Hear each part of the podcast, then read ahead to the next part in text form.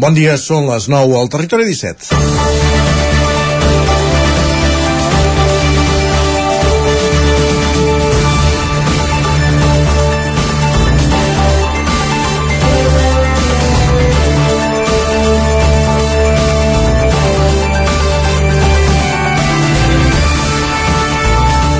El que millor defineix com d'avançada és una societat és com tracta les persones més vulnerables. Per això el reportatge que publicava aquest dilluns al 9-9 sobre els problemes d'accessibilitat, que encara hi ha en parcs infantils, ens hauria de fer obrir els ulls a tots. Fa més de 8 anys que està en tràmit el nou Codi d'Accessibilitat de Catalunya, una demanda històrica de les entitats que treballen amb les persones amb discapacitat o amb diversitat funcional. Aquesta normativa ha de garantir que siguem realment una societat accessible en, on totes les persones puguem desenvolupar totes les activitats del dia a dia de la manera més autònoma possible. El decret que desplega la llei 13 barra 2014 d'accessibilitat obligarà a tots els espais públics que garanteixin l'autonomia, la igualtat d'oportunitats i la no discriminació de persones amb discapacitat. Això es concretarà en mesures molt clares i específiques que en el cas dels parcs infantils obligarà que com a mínim la meitat dels elements que en formen part per cada franja d'edat siguin accessibles per persones que tenen alguna discapacitat. En els últims anys hi ha hagut diversos ajuntaments que han fet passos tímids en aquest sentit, però cal anar més enllà. L'itinerari per arribar-hi ha de ser accessible, tota la superfície de jocs ha de ser adequada per anar-hi amb cadira de rodes, hi ha d'haver amplada suficient per moure-s'hi i els elements adaptats, que com dèiem, han de ser la meitat dels que formen el parc, han d'estar integrats amb la resta. El projecte de Codi d'Accessibilitat de Catalunya, evidentment, va més enllà dels parcs infantils i obliga les administracions a tenir-ho en compte i aplicar-ho en tots els elements de l'espai públic, bancs, fonts, papereres, semàfors, taulells d'atenció al públic, retolació, comunicacions. És urgent que s'aprovi, sobretot, que s'apliqui. Hem de poder dir, mirant els ulls a l'Oriol, un dels protagonistes del reportatge del 9-9 d'aquest dilluns, que som una societat prou sensible i avançada per garantir-li que tots plegats treballarem perquè el seu germà, igual que molts altres nens i nenes com ell, tinguin la mateixa autonomia possible en el seu dia a dia, en els mateixos drets que la resta i la qualitat de vida que es mereixen. És dimarts, 17 de gener de 2023, Sant Antoni Abat, el del Porquet, figura sobre la que se celebren les festes dels Tres Toms, que aquests dies s'escampen per la geografia catalana i avui en concret a Sant Feliu de Codines. Comença el Territori 17 a la sintonia d'Ona Codinenca, Ràdio Cardedeu, l'Oeu de Sant Joan, Ràdio Vic, el 9FM i també ens podeu veure, ja ho sabeu, a través del 9TV, Twitch i YouTube. Territori 17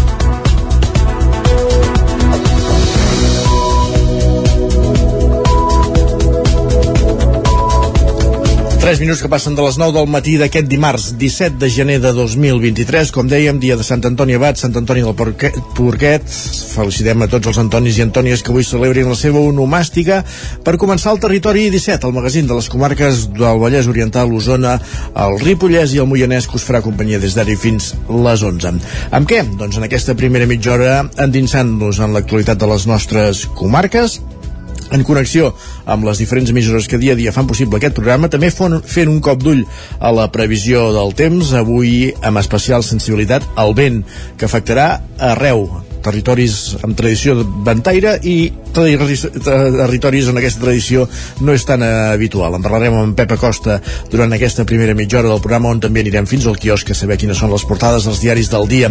A dos quarts de deu en punt, moment de pujar el tren a l'R3 amb l'Isaac Muntades recollint les cròniques dels oferts usuaris de la línia i a l'entrevista avui anirem fins a Manlleu. Conversarem amb David Bosch, el regidor d'Indústria, Coneixement i Agenda Manlleu 2030 de l'Ajuntament de Manlleu Manlleu, valgui la redundància, sobre diferents qüestions a l'entorn d'aquesta seva àrea, per exemple, eh, la, la impugnació sobre les obres d'urbanització del polígon del, del Mas, tràmits que s'estan fent per desencallar aquesta situació, l'ampliació de Presfarma amb la finca del costat on hi havia Maidissa, un projecte de desenvolupament urbanístic i industrial que canviarà la fesomia a l'entorn del canal, fins i tot s'actuarà a la finca de l'antiga La Piara de Manlleu o també del projecte de Ciutat del Coneixement. De tot plegat en parlarem, com dèiem, amb el regidor d'Indústria, Coneixement i Agenda Manlleu 2030, David Bosch, a partir de dos quarts de deu aquí al territori 17. I abans del punt d'arribar a les 10 serà el moment de parlar d'energia.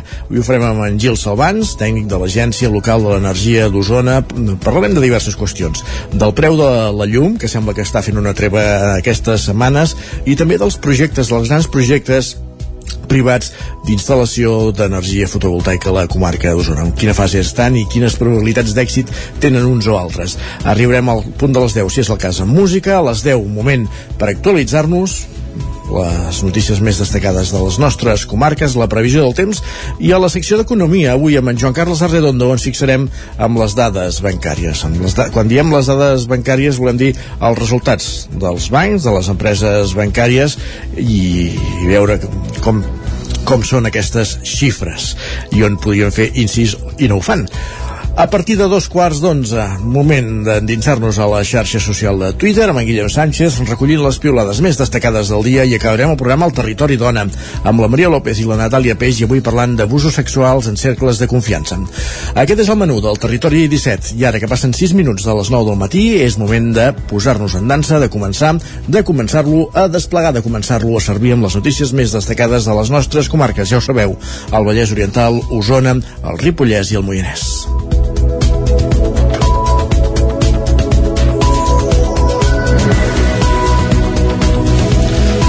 La majoria de municipis del Vallès Oriental i del Moianès milloren les seves xifres de reciclatge en les últimes dades publicades. Roger Ram, zona codinenca. Hola, bon dia. Sí, els municipis de la nostra zona van millorar l'any 2021 les seves xifres de recollida selectiva segons les dades que ha fet públiques l'Agència de Residus de Catalunya. Si mirem poble per poble, veiem que Sant Feliu de Codines, on hi ha implantat el sistema porta a porta des de ja fa 15 anys, s'ha reciclat un 69% dels residus que s'han generat al llarg de l'any, que han estat de 451 quilos per habitant, 309 dels quals s'han separat correctament. Escoltem com ho valora Montserrat Marta Guadé, regidora de Medi Ambient de Sant Feliu de Codines. Per primera vegada ens situem a la novena posició pel que fa al reciclatge de tots els municipis del Vallès Oriental. A principis del 2021 vam engegar una campanya de reciclatge en la qual creiem doncs, que ha donat els seus fruits uh, per les dades aquestes que tenim actualment. Uh, ara mateix Sant Feliu supera el 55% establert per la directiva del marc de residus de la Unió Europea pel que marca l'any 2025. Uh, estem contents, creiem que hem de seguir amb aquesta línia eh, hem de seguir doncs, reciclant bé, cada vegada millor i no ens podem quedar amb aquestes dades sinó uh, intentar augmentar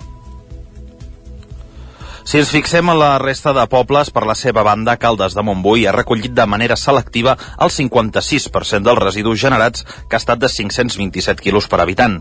Pel que fa a Vigues i Riells del FAI, queda per sota del llindar que la Unió Europea marca pel que fa al reciclatge, que és del 55% dels residus, ja que en el cas de Vigues i Riells ha estat del 43%. Si anem al Moianès hi trobem un cas excepcional. Es tracta de Sant Quirze Safaja, que recicla, atenció, més del 93% dels seus residus sent el cinquè municipi amb major taxa de tota Catalunya. Pel que fa a Mollà Capital, la xifra ha estat del 59%, mentre que Castellterçol ha estat del 69%.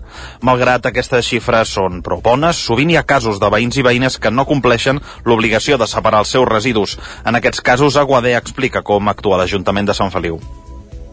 Pel que fa a si algun veí, alguna persona detecta doncs, que algú no està fent correctament el servei de, de recollida selectiva, doncs quan ens ha passat això, nosaltres el que fem és que enviem un agent cívic a, a, al domicili, a la persona a, a, a la qual ho fa malament, l'informem, li donem tots els fulletons necessaris, els calendaris, cubells en cas que necessitin i se li explica doncs, quin és el funcionament correcte d'aquest calendari que tenim. A nivell de tota Catalunya, de mitjana s'ha reciclat un 46% dels residus al 2021, les últimes xifres publicades, lluny del 55 marcat per la Unió Europea i el principal objectiu per augmentar aquesta xifra ara és fomentar el reciclatge a les grans ciutats. Gràcies, Roger. Més qüestions encara al Vallès Oriental. Desmantellada una plantació de marihuana amb 1.382 plantes a les franqueses del Vallès. Pol Grau, Ràdio Televisió, Cardedeu. Els Mossos d'Esquadra i la policia local de les Franqueses han detingut dues persones i han desmantellat una plantació de marihuana detectada al municipi. S'han localitzat i comissat 1.382 plantes d'aquesta substància prohibida que creixen en una instal·lació interior i preparada per al conreu intensiu de la droga. Els dos arrestats estan acusats d'un delicte contra la salut pública per tràfic de drogues. També d'un delicte de defraudació del fluid elèctric perquè la instal·lació tenia una captació de corrent irregular. Els arrestats tenen 25 i 26 anys. A part, la setmana passada la policia local de Cardedeu va interceptar un vehicle amb sis caixes de 616 queixos de plantes de marihuana. Es van detenir les dues persones que anaven al vehicle acusades d'un presumpte delicte contra la salut pública per tràfic de drogues, també. L'operatiu es va fer després de detectar un vehicle que circulava per la C35 entre Cardedeu i Inas amb la ITV caducada i sense assegurança. Després, s'hi van detectar les plantes a l'interior. Els esquitxos de plantes de marihuana feien uns 15 centímetres. Gràcies, Pol. Més qüestions. A la comarca d'Osona, l'Institut de Vic mantindrà com a mínim el curs vinent els mateixos estudis que fins ara. Així ho ha anunciat el Departament d'Educació en una reunió amb l'Ajuntament de Vic i la comunitat educativa del centre, una reunió que va tenir lloc, Sergi Vives, la setmana passada. Després de la polèmica que va esclatar hores abans de començar les vacances de Nadal al centre, el Departament d'Educació ha anunciat que l'Institut de Vic mantindrà com a mínim fins al curs que ve els mateixos estudis que fins ara. L'alarma va saltar el passat 22 de desembre quan la direcció del centre centre va comunicar a l'equip docent la intenció de la Generalitat de convertir l'Institut de Vic en un centre especialitzat en cicles formatius. Un escenari que implicaria deixar d'impartir l'ESO i el batxillerat al centre, però que per ara el departament ha descartat, si més no, de cara al curs vinent que a curt termini no hi haurà ca grans canvis es va decidir en una reunió la setmana passada entre la Generalitat, l'Ajuntament de Vic i la comunitat educativa. Això ho explicava la, la regidora d'Ensenyament, Elisabet Franquesa. Vam escoltar les parts i des de l'Ajuntament, evidentment, varen manifestar aquest eh, acompanyament a la comunitat educativa i en cap cas volíem aquesta discòrdia i aquest malestar. Eh? El Departament també va posicionar-se clarament. La planificació d'aules pel curs vinent és la mateixa que, que té tothom aquest any. Segons Franquesa, però, el que sí que s'està fent és analitzar com es pot reordenar l'oferta educativa de la ciutat d'acord amb les competències i habilitats que exigiran la vida i el mercat laboral dels pròxims anys. Una anàlisi que amb els anys sí que podria traduir-se amb la retirada progressiva de l'ESO i el batxillerat al centre Bigata si la, la necessitat del mercat ens demana mecànics, doncs haurem d'intentar eh, cobrir aquest itinerari de mecànica. Si ens demana eh, administratius, doncs haurem de tirar els itineraris administratius. Per tant, els itineraris de la formació professional sí que variaran en funció de les demandes i això a vegades ens col·lapsa el tema dels espais, que és el col·lapse que tenim actualment a l'IESVIC, un tema d'espais.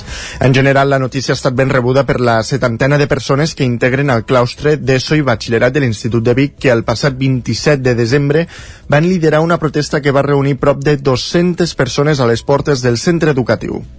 Més qüestions, anem cap al Ripollès perquè l'oposició de Camprodon critica l'organització del Mercat de Nadal que es va fer durant la Puríssima. Isaac Muntades, la veu de Sant Joan. L'oposició de Més Camprodon Esquerra Republicana va ser molt crítica amb l'equip de govern de Tots per Camprodon PSC en el darrer ple en relació amb el muntatge de les activitats que es van fer pel pont de la Puríssima a principis del mes de desembre. El regidor republicà Xavier Juncà va lamentar l'ocasió perduda per aprofitar una fira de 10 dies, ja que l'any passat els dies 6 i 8, que són festa nacional, caien en dimarts i dijous. La primera errada pels republicans va ser l'encesa dels llums de Nadal, que es va fer el 7 de desembre a l'Espai d'Octubre. Juncà va assenyalar que s'hauria hagut de fer el dia 3, com a la majoria de pobles del Ripollès. A més a més, va dir que era una mica trist que només s'encenguessin els llums del Pont Nou, que són els que s'encenen habitualment, i creia que se n'hi hauria hagut de posar algun altre. Sobre el mercat de Nadal, que es va celebrar del 9 a l'11 de desembre, Juncà va apuntar que hi havia estants mal col·locats o buits i que és molt fàcil carregar-se un esdeveniment que ha funcionat durant 20 anys. El dia 8 de desembre, l'aspecte que presentava el centre del poble no és de rebut, no és el que es mereix Camprodon. I a més a més, podem entendre que aquell mateix dia hi havia una altra activitat al passeig Maristany complementada amb la vall. I ho trobem perfecte però és que creiem que precisament si dones continuïtat a tot plegat retroalimentes les dues activitats. D'aquesta manera moltíssima gent arribava aquí el dia 8 amb la tradició, amb la costum de trobar-se una fira no la trobava. I els que van anar al Maristany van ser pocs dels que venen de fora. Per tant jo crec que aquí sap greu que ningú se li hagués ocorregut de dir mantenim aquesta tradició del dia 8 el fet de que trau gent com perdó facis el que facis. Però a més a més si ja tenim un altre event que complementa hosti, donem un joc tot plegat, treballem conjuntament intentem crear un cercle rotatiu, que la gent que va venir de fora es trobi al mercat i a través del mercat ple, no buit, pugui arribar al mateix any i al revés. Juncà també es va queixar de la ubicació de les parades de la plaça de la Vila, que segons el republicà s'haurien d'haver col·locat al mig de la plaça de cul perquè la gent les envoltés. En canvi, el fet de posar-les al voltant de la plaça va fer que es tapessin les botigues, que perden el seu protagonisme. Juncà ho hagués entès si els locals comercials haguessin estat tancats, però no era el cas. El regidor d'Esquerra també va criticar com s'havia muntat l'exposició fotogràfica a les orenetes d'Illa, perquè s'hi havien col·locat unes lones de qualsevol manera i sense cap atractiu que desvirtuaven la fira. L'alcalde Xavier Guitar va entomar les crítiques i va acceptar que hi havia coses a millorar, però que també era el primer any que l'Ajuntament tornava a organitzar el Mercat de Nadal i calia que l'engranatge estigués més rodat. Més qüestions. Capgirem Vic recuperarà el nom de CUP per presentar-se en les properes eleccions municipals de la capital d'Osona. Aquest dissabte van fer una roda de premsa per explicar els motius pels quals deixen d'adoptar la nomenclatura que han utilitzat des de l'any 2015, Sergi. Fa 20 anys que es va fer a Vic el primer acte de la CUP per crear una candidatura a la ciutat. Des del 2003 la formació ha evolucionat i des del 2015 es presentava sota el paraigües de Capgirem Vic. Aquest dissabte al migdia, després d'una assemblea al centre cívic Joan Triadú, van anunciar que les properes eleccions del 28 de maig ho faran amb el nou nom de la CUP. Ho, ho feia Antoni Borra. En moment, eh, totes les idees que s'han anat aglutinant des de Capgirem han anat sumant i s'han anat integrant dintre, dintre la sensibilitat de la CUP. Per tant, entenem que el lògic i el correcte és que ens presentem altra vegada com a CUP Vic per, eh, perquè és un projecte transformador que suma sensibilitats diferents. Des de la formació política defineixen el seu projecte com a rupturista d'esquerres, independentista i proper als moviments socials de la ciutat i amb el qual volen continuar treballant des de dins l'Ajuntament. La regidora Carla Dinares parlava de la necessitat d'un canvi de color polític al govern i d'evitar que formacions feixistes entrin al consistori. Per a la dreta i per l'altra, a nivell de campanya, a tots els esforços destinats a que el, el feixisme no torni a entrar en aquest Ajuntament, que ja prou feina va costar doncs, intentar mantenir aquesta um, convivència democràtica consistorial. Treballarem aquestes propostes mm, per explicar-les i perquè arribin a tothom sobretot com, una, com un mecanisme d'antirumors enfront a, a discursos uh, feixistes i racistes. A l'assemblea també hi va assistir el diputat de la CUP al Parlament, Carles Riera. Va felicitar la formació per reivindicar la identitat de la CUP. Va dir que són l'alternativa davant de la crisi social, climàtica, econòmica i democràtica. Cal una alternativa d'esquerres i independentista que hi faci front i que ens permeti avançar de forma decidida i definitiva en l'alliberament nacional i social del nostre país, dels països catalans. L'Assemblea de la CUP de Vic treballarà en la fórmula que utilitzarà per confeccionar la llista de cara al 28 de maig. I un últim apunt esportiu per acabar, i és que els cinc representants usonencs que han participat al Dakar han arribat a la meta. Han completat, per tant, la prova, una gesta d'entrada que no sempre és assumida per tots els participants, Sergi. Per la delegació de la comarca ha estat un Dakar complicat i agredols que ha pogut finalitzar però que han patit avaries i accidents que els han obligat a renunciar als objectius inicials. Gerard Ferrés, el que ha obtingut la millor posició, va acabar cinquè en la categoria T4 a pràcticament dues hores del guanyador, després de perdre totes les opcions de victòria dijous per una avaria al ventilador.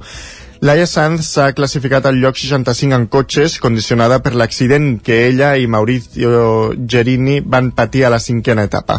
El seu company d'equip a Estara, Marc Solà, com a copilot de Carlos Checa, acabat 32è. En T4, Rosa Romero, que feia de copilot a Pedro Manuel Peñate, ha estat 34ena i la categoria T T3, Joan Font, ha finalitzat 16è. Acabem aquí aquest repàs informatiu que començàvem al punt de les 9 en companyia de Sergi Vives, Isaac Muntades, Pol Grau i Roger Rams, moment al territori 17 de saludar en Pep Acosta. perquè per fi hi ha moviments meteorològics, no segurament el que en Pep voldria, però estem parlant d'una setmana de vent, que donarà pas a una baixada de temperatures. De fet, ens ho explica tot seguit en Pep Acosta. Casa Terradellos us ofereix el temps. Tornem a una codinenca quan passen 19 minuts de les 9, Pep. Bon dia. Hola. Què tal? I tu? Molt bon dia. Bon dia. Bon dia per dir alguna cosa. Oh, no, sí, home, sí. perquè bon avui estem en ple temporal de vent, temporal de ponent, eh, un vent molt incòmode, un vent molt perjudicial, està provocant una disbauxa de temperatures eh, total, eh, temperatures negatives alta muntanya, 5, 6, 7, 8 sota 0, però a pocs quilòmetres hi han temperatures de més de 15 graus, una, una, una autèntica bogeria que està provocant aquest vent de ponent que ho està mm, posant tot de potes en l'aire. Atenció als cops ja de vent, més de 100 km per hora a moltes zones, sobretot alta muntanya, el Pirineu, cops amb més de 100 km per hora, el Puig de Zolles, un cop de més de 150 km per hora, que és una, és una autèntica barbaritat, uh, i a moltes ciutats i pobles uh, de l'àrea metropolitana, amb molta població, cops de 50, 60, 70 km per hora ja. Atenció, perquè de cara a la tarda fins i tot anirà més.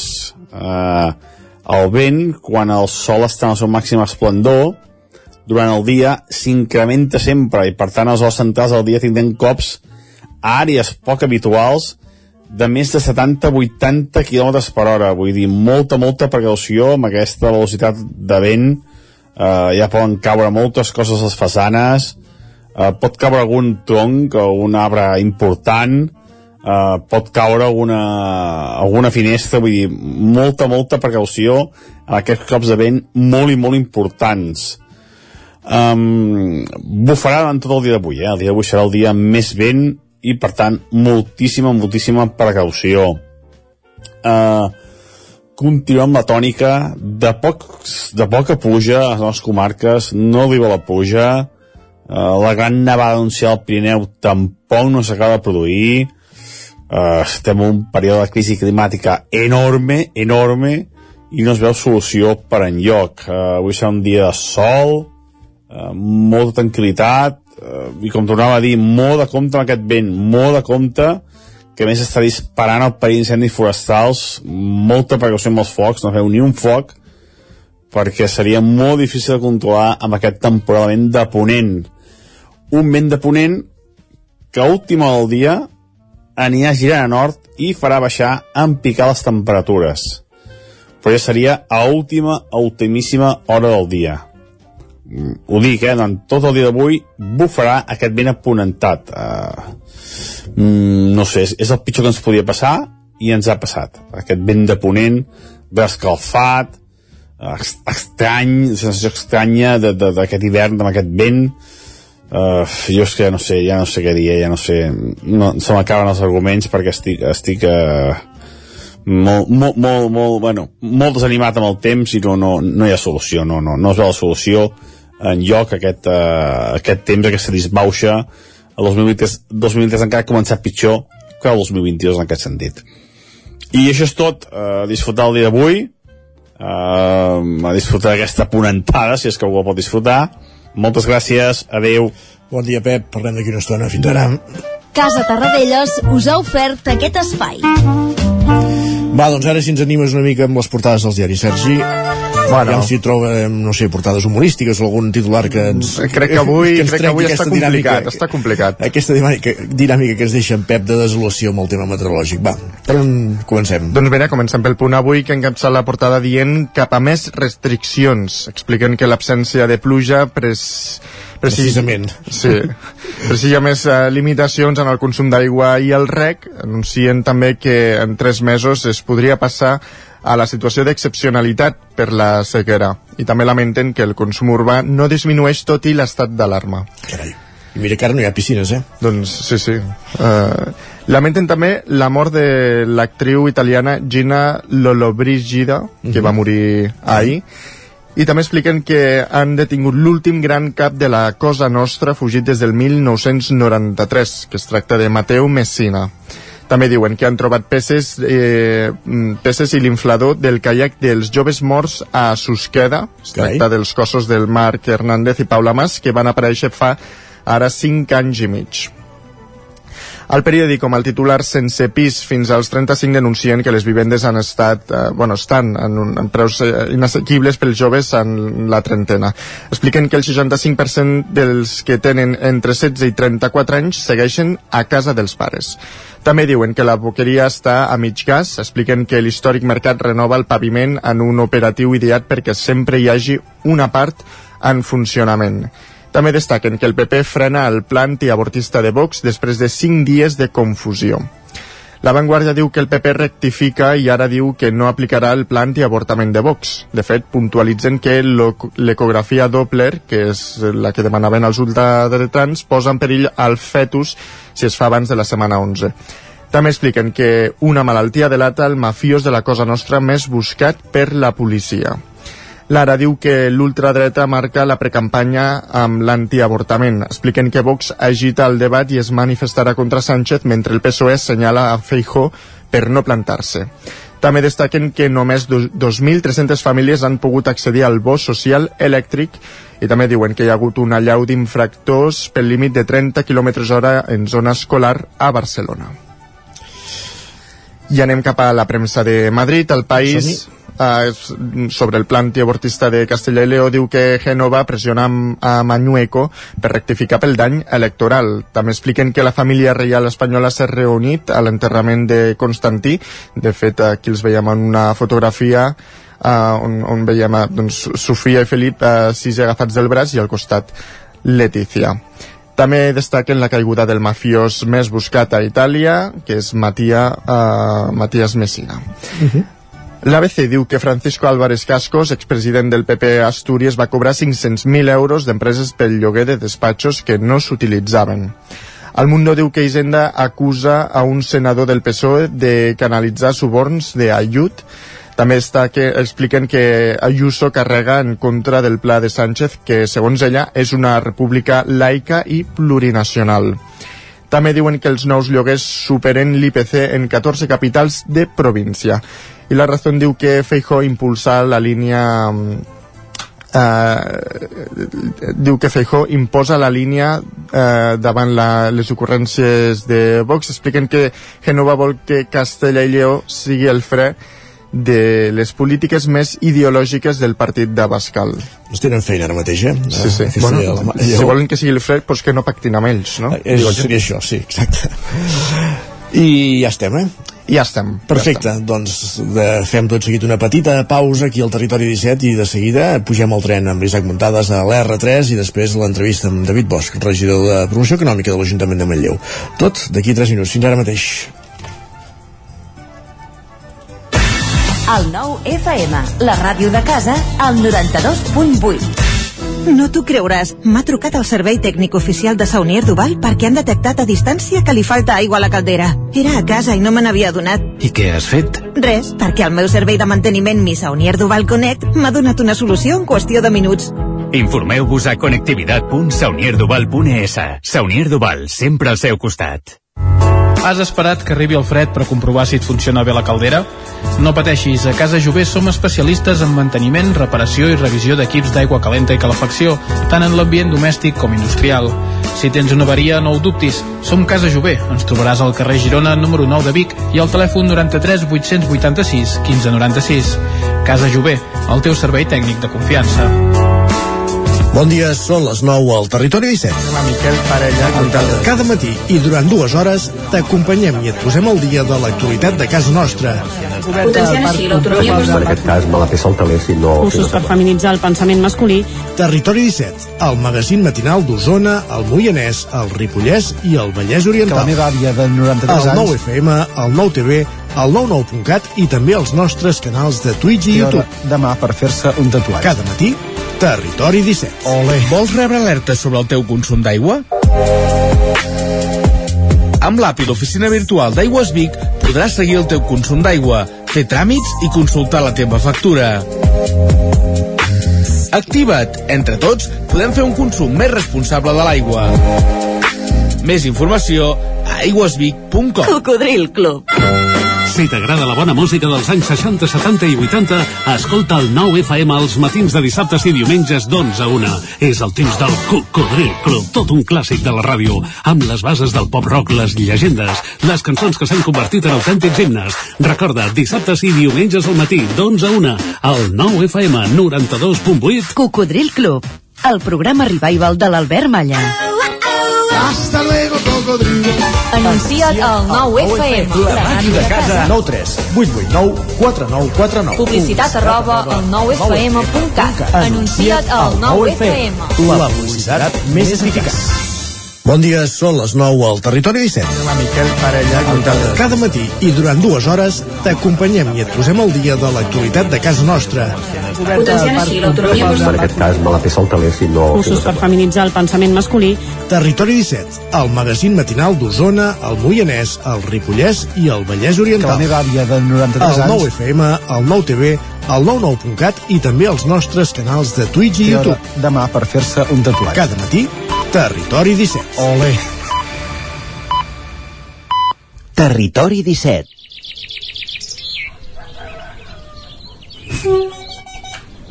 A Tren d'Alba. Cada dia els usuaris i usuàries de la línia R3 de Rodalies que veuen sortir el sol des d'un vagó ens expliquen les gràcies i les penes del primer comboi que uneix Ripoll i Barcelona o les feixugues jornades amb el tren després de treballar.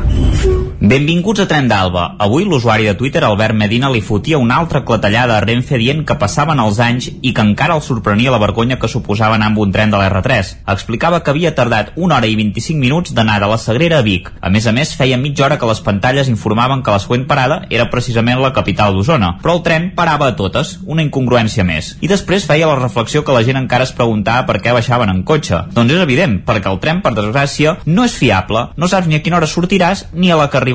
I si no, que li diguin en Jordi Valls a la crònica d'avui. Bon dia, sóc en Jordi de Centelles. Avui el programa, en comptes de tren d'alba, s'hauria d'anomenar a vent d'alba. Vent, vent, hem estat 45 minuts esperant el primer tren, el de les 5.37, que mm, cap notícia, res, cap informació, l'estació tancada, el vent, el fred, una meravella. Clar, finalment ha vingut, ha vingut tard, és un tren curt i s'han ajuntat dos trens amb un dels curtets. Per l'una tant ha estat un viatge d'amistat, intimitat, no, intimitat res. Tothom juntet i fent molta amistat i molt. Una porqueria, de veritat. Si us plau, mm, ajuda, que algú ens ajudi. És que no pot ser. Ahir el show dels bitllets, avui el show d'un tren que res, i que alguna cosa vagi malament ho entenem tots i totes, però si us plau informeu, i això és cosa de Rodalies. Conseller, espavili. Vinga, bon dia, eh, que vagi bé. Adéu. Si voleu veure l'explicació d'en Jordi de manera més gràfica, podeu mirar el seu fil de Twitter, en què ajunta la captura de pantalla de l'aplicació i on es veu que el tren encara no havia arribat. Hi havia algun altre usuari que també preguntava per on anaven per saber de quin mal havia de morir. Va, ens retrobem demà amb més històries del tren i de l'R3.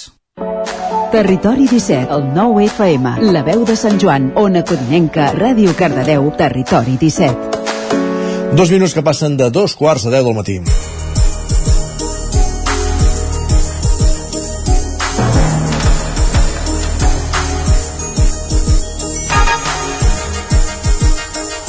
El grup parlamentari de Junts per Catalunya ha entrat al registre del Parlament una pregunta al govern on demana quines accions té previstes i amb quin calendari per resoldre la impugnació que va presentar una de les empreses que va participar al concurs per l'urbanització i construcció del polígon del Pla del Mas de Manlleu al Tribunal de Contractes del Sector Públic. Per tant, ara mateix aquesta impugnació és el que té aturada aquesta obra, aquest eh, desplegament urbanístic, el Pla del Mas de Manlleu, que el que ha de fer és garantir sol industrial a eh, curt i mitjà termini a la ciutat de Manlleu. De tot plegat en volem parlar amb el regidor d'Indústria, Coneixement i Agenda 2030 de Manlleu, que és David Bosch, que aquí tenim a l'altra banda del fil telefònic. David Bosch, bon dia. Bon dia i gràcies per contactar-me.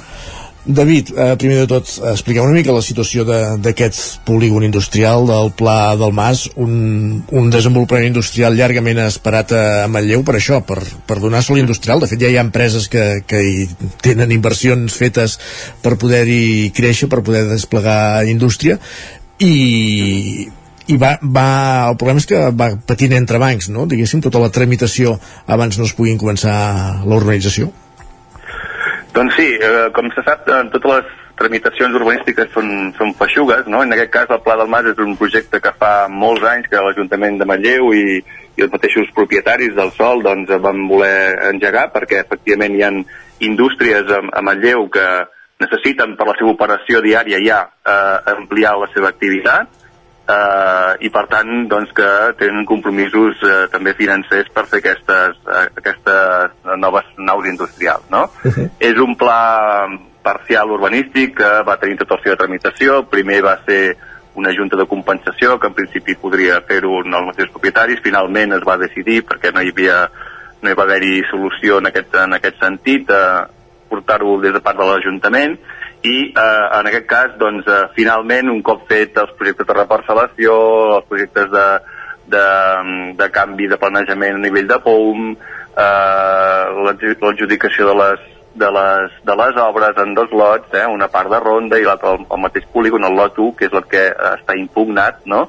eh, ens trobem en què doncs, aquesta impugnació que està al Tribunal de, el Tribunal de, de, de Contractació del Sector Públic doncs està demorant la seva resolució. No? Uh -huh. uh, vam fer aquesta proposta de resolució, en aquest cas com a Ajuntament, eh, de que el lot 1 passés a la segona empresa que havia quedat uh, qualificada, perquè la primera tenia una baixa temerària que es diu, des del punt de vista de l'argot administratiu, i això doncs, eh, va ser el 13 d'octubre, que van exaurir els terminis d'aquesta primera empresa que havia fet la baixa més gran eh, per fer aquesta, aquesta, aquesta impugnació. I clar, el 22 de desembre, quan ja eh, s'ha exaurit el primer termini que en diríem de silenci, de silenci administratiu, tampoc han tingut cap resposta d'aquest tribunal. Per això hem volgut fer aquesta, aquesta pressió des del punt de vista del grup parlamentari de Junts per Catalunya, tota vegada que ja no es forma d'alguna manera resolta el més aviat possible aquesta situació. Uh -huh. Perquè quin és l'estadi? Si, si s'acceptés aquesta impugnació, s'hauria de tornar a fer el concurs? Uh, nosaltres creiem que, que no, perquè en principi uh, si en aquesta si hi ha hagut uh, si aquesta resolució uh, dona la raó a l'Ajuntament, evidentment doncs el que, el que faria és que evidentment doncs, uh, s'executaria el contracte amb l'empresa que nosaltres creiem que va ser la, la que tenia el, doncs, tot, tota la puntuació doncs, que era més, eh, més ponderada i que tenia més i, i que era la segona de la llista que havia fet aquesta, aquesta oferta, no? Uh -huh. I, si, I jo entendria que si, que si fos al revés, doncs seria aquesta primera empresa que ha fet aquesta baixa que hauria de fer aquestes obres. Uh -huh. I teniu algun indici de quan podeu tenir resposta?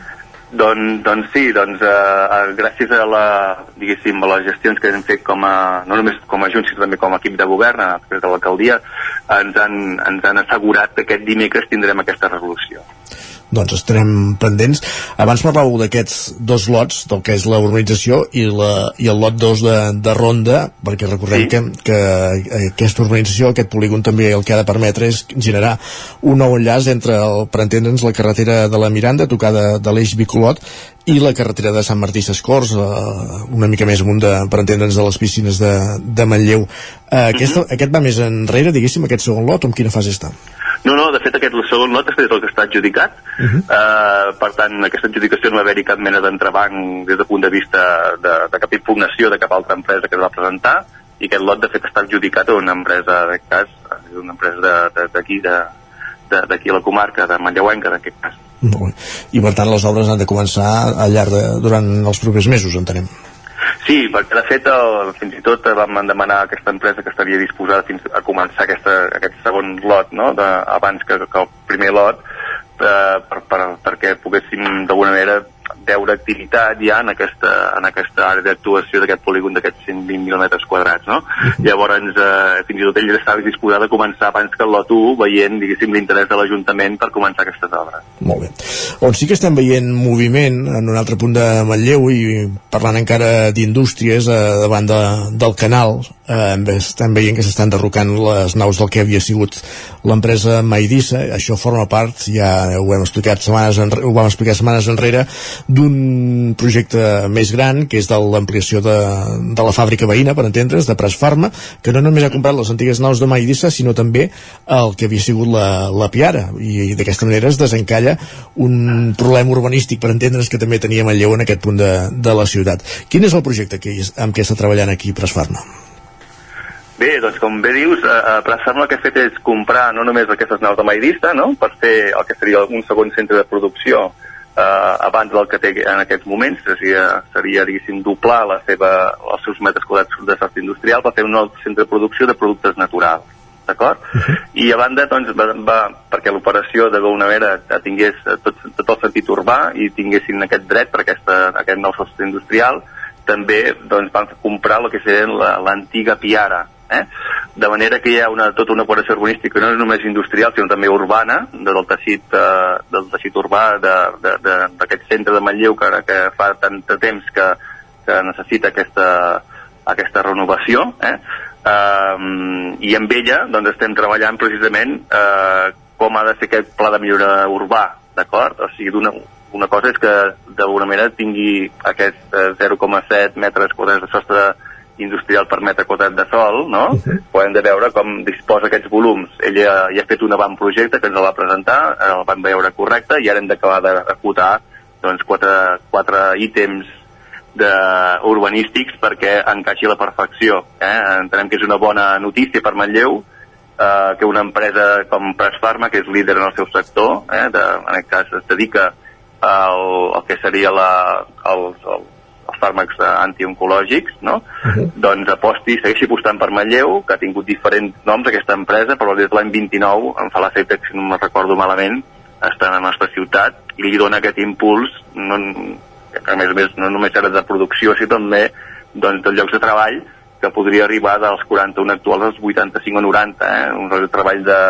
que bé, doncs, eh, doncs tenen una qualificació important i que per tant és una atracció de talent important per Manlleu.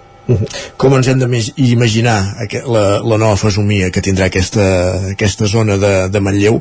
Perquè per una banda toca el canal, però és que per l'altra banda, diguéssim, està tocada del, del centre de, de la ciutat. Per tant, l'operació urbanística és, és important en aquest aspecte.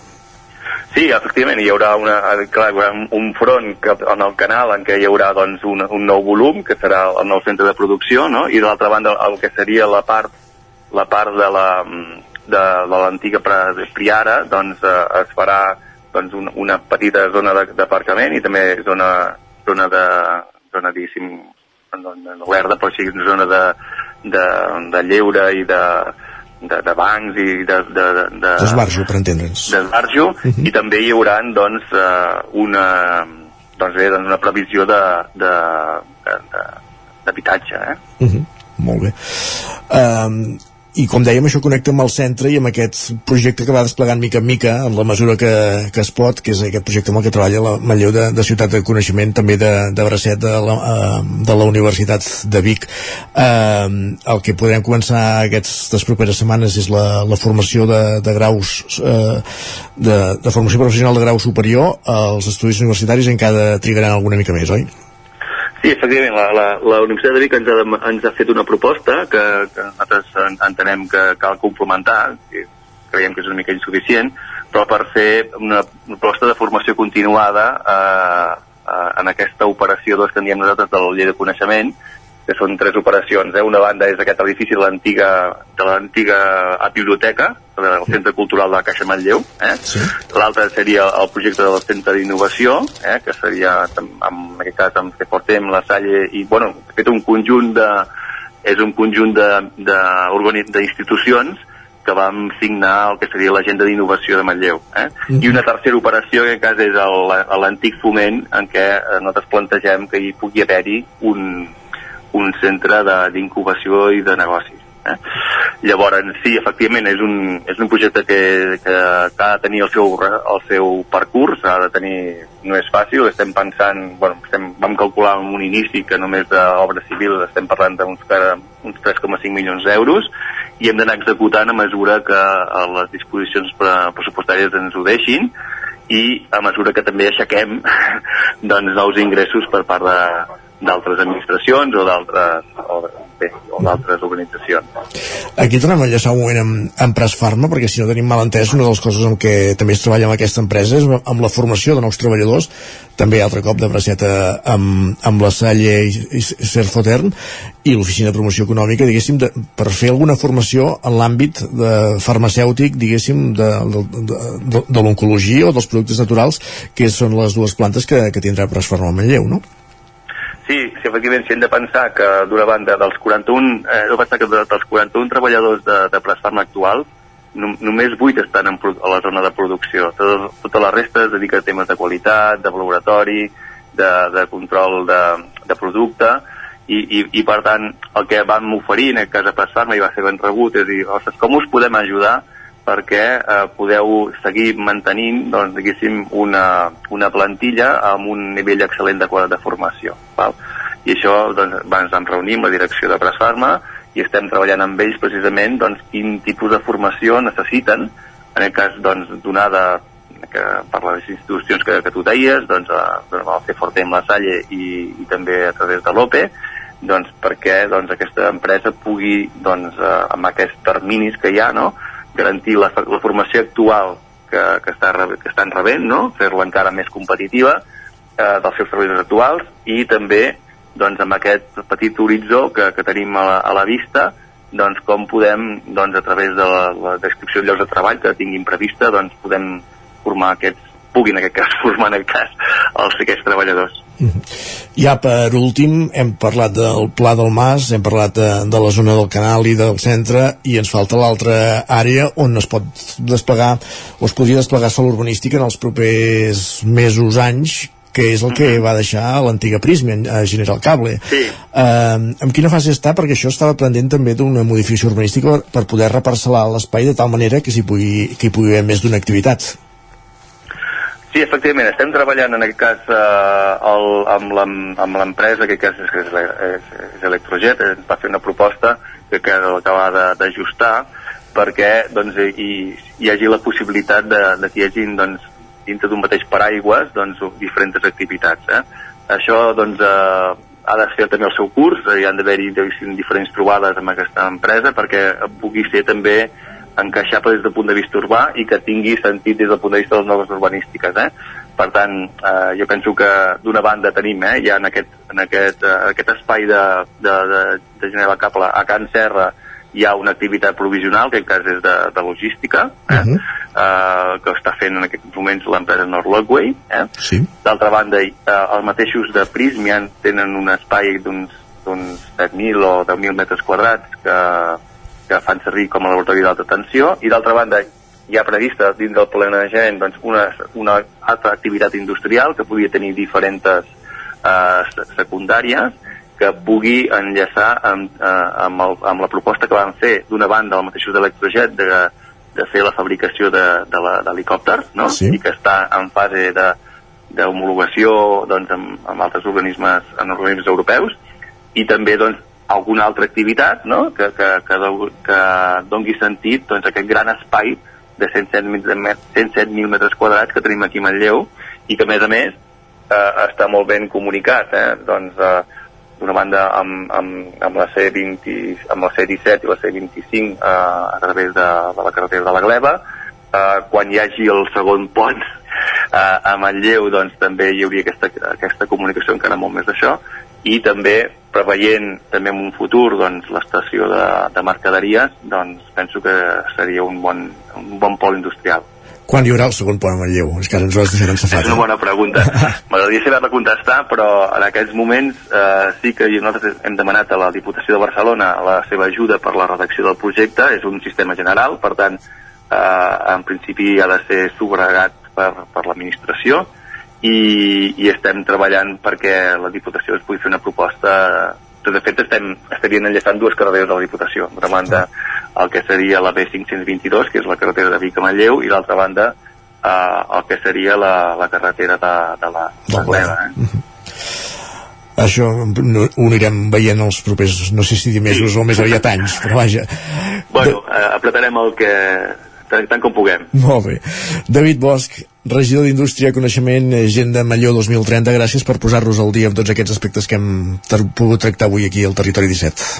Al contrari, gràcies a vosaltres pel vostre interès i a la vostra disposició sempre. Bon dia. Bon dia. I nosaltres tot seguit el que fem és parlar d'energia i ja ens espera en Gil Salvans de l'Agència Local de l'Energia d'Osona.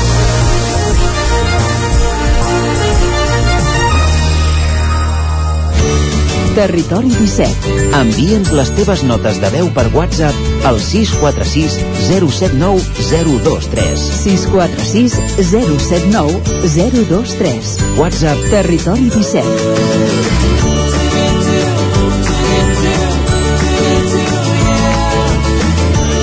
Territori 17. Som a Facebook, Twitter i Instagram amb l'usuari Territori 17.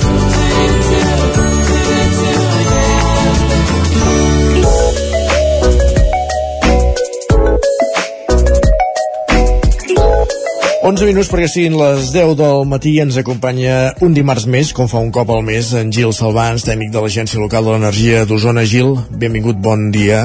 Hi ha un moment que t'afegim a la sessió i ja et podem saludar. Ara sí, Gil. Bon dia, Isaac, a tothom, bon dia. Bon dia, bon com estem? Bé, bé, bé. Una mica de fred ja, ja, ja tocava i una mica de fred per aquí. Exacte, sí, ja toca, ara ho has dit. Uh, volem parlar de diversos aspectes relacionats amb, amb l'energia, de fet com fem un cop al mes moltes vegades hem parlat de, del preu de l'energia perquè portem mesos, algun any fins i tot veient com se'ns dispara incomprensiblement uh, el preu de la, del gas, de, de la llum. Podríem estar parlant d'una certa relaxació en les últimes setmanes i per què? Sí, uh, uh, portem, o sigui, portem una baixada de preus, eh, de fet estem a preus molt baixos, eh, sobretot l'electricitat, el gas no ha baixat tant, però, però també, però sí que l'electricitat aquests dies, ahir i avui, estem en preus molt i molt baixos. Bàsicament, eh, consums més baixos que fa anys enrere, eh, és a dir, el sector industrial ha reduït consums, per tant hi ha un tema de consums, i sobretot també eh, hi ha tot un tema d'eòlica, és a dir, aquests dies, bueno, ja ho estem notant, està fent molt vent, eh, tant aquí com arreu del territori estatal eh, espanyol, i, i això fa que l'eòlica estigui generant molta energia i, i les energies renovables, quan generen energies, és de les fonts més, baix, de, més barates que hi ha. Per tant, eh, fa sol, tot i que eh, fa sol i sobretot fa molt vent i per tant estem generant molta energia i va haver-hi moments que el 70% de l'energia elèctrica de tot l'estat espanyol es generava en fonts renovables, entre l'eòlica principalment, la solar i la hidràulica i per tant tenim energia baixa i sumat a que no tenim uns consums molt disparats, no tenim uns règims de freds això que dèiem, eh? no portem un fred acumulat molt important on, on hi hagi també molta despesa de calefacció, etc. Per tant, és un, és un sumum de, de, de, de diferents punts que, que fan que l'energia puntualment i aquests dies sigui baixa. Quan anem a analitzar preus de futur, és a dir, quan anem a veure quin preu pagarem l'energia l'any que ve, és a dir, 2024 ja, o, o el que ens queda d'aquest any, els preus són 100, 120, 130, 140 euros megawatt. Eh? No són els preus que havíem arribat a estar, que puntualment havíem arribat a 400, però la mitjana ens havíem mogut entre els 150 i els 170. Sembla que la tendència serà a baixar una mica per sota d'aquests preus, però encara es preveu un preu d'energia elèctrica de futurs a l'entorn dels 130 euros megawatt. Això vol dir perquè ens fem una idea, és eh, els últims 12 anys abans d'aquesta pujada, és a dir, abans del 2021, els 12 anys últims havíem estat a preus de 50 euros megawatt, de mitjana, 40 i pico, 50 i pocs. Ara, mm, potser el preu s'estabilitzarà això, 120, 130 euros, per tant, el doble, més del doble del que ens tenim acostumats anys enrere. Sí que és veritat que sembla que aquest pic, aquest punt, aquest aquest pic tan alt que vam tenir el 2022 amb tot el tema de la, de la guerra eh, eh, el tema de, del gas disparat, etc s'ha baixat i, i això afecta de retruc a tot arreu. O sigui, el barril de Brent està força estandarditzat entre 80 i 80-84 euros megawatt, ai, dòlars al barril, eh, el gas ha anat baixant i també estava en torn dels 50-60 i l'electricitat ara està molt baixa aquests dies, però tampoc és... No, es, no ens quedarem a 10-12 euros megawatt que hem estat aquests dies, eh? vull dir que això tornarà a pujar, malauradament, i l'energia tornarà a ser cara. Um, deies una cosa al principi, eh, la indústria consumeix menys, això pot ser per diversos motius, un dels quals no ens agradaria que fos un descens de la producció, però també pot ser per un motiu eh, tota aquesta febrada que estem veient en els últims mesos amb instal·lació amb la instal·lació de plaques d'autoconsum que sigui aquesta una derivada? Jo crec que encara no es veu, o sigui, sí que hi és aquesta derivada, eh, i està claríssim, i jo crec que tots ara ja som conscients, és a dir, quan, quan fa dos anys parlàvem d'autoconsum, que estava començant a posar-se, que veiem alguna instal·lació puntual, ara, si et passeges pel territori, tant a nivell domèstic, però també molt a nivell industrial, vas veient que cada vegada més i de fet eh, falten mans, eh? aquesta setmana encara estaven eh, parlant amb el gremi d'instal·ladors i, i, no, i no veuen quina serà la solució perquè tota la demanda que hi ha d'instal·lació de plaques solars no hi ha prou no hi ha prou mans per fer-ho fer, -ho, real. Uh -huh. Per tant, segur que sí, segur que afecta i, i afectarà, però jo diria que encara no es veu tant. Eh? Jo crec que és més un tema de producció, de que s'ha anat parlant d'una recessió i jo crec que no estem en recessió ni molt, bueno, no sóc economista i per tant no hi entenc molt, però, però crec que la gent mm, és més cautelosa, eh? jo crec que les indústries eh, no, no, no fan grans produccions perquè tothom està una mica a veure si, si realment entrem en recessió o no, i per tant el consum eh, en alguns fòrums parlen de que el consum industrial espanyol ha baixat entre un 10 i un 15% a nivell elèctric. Per tant, eh, eh, segurament que l'autoconsum també ha afectat eh, i està disparat, però, però jo crec que els resultats de l'autoconsum encara no els estem veient amb xifres tan grans eh, en aquests mm. números. D'acord. També, també una mica per, perquè els autoconsums importants molt, bueno, a taulades també es fan els grans autoconsums, però vindran parcs d'autoconsum mm, que aquests sí que tindran produccions ja no de quilowatts sinó de megas i aquests sí que entraran es veurà més la, la dada a nivell de, de reducció de la demanda i, i, i que ja t'autoconsumiràs l'energia i per tant no has a buscar-la mercat i per tant el mercat no necessitarà produir tanta energia. Uh -huh.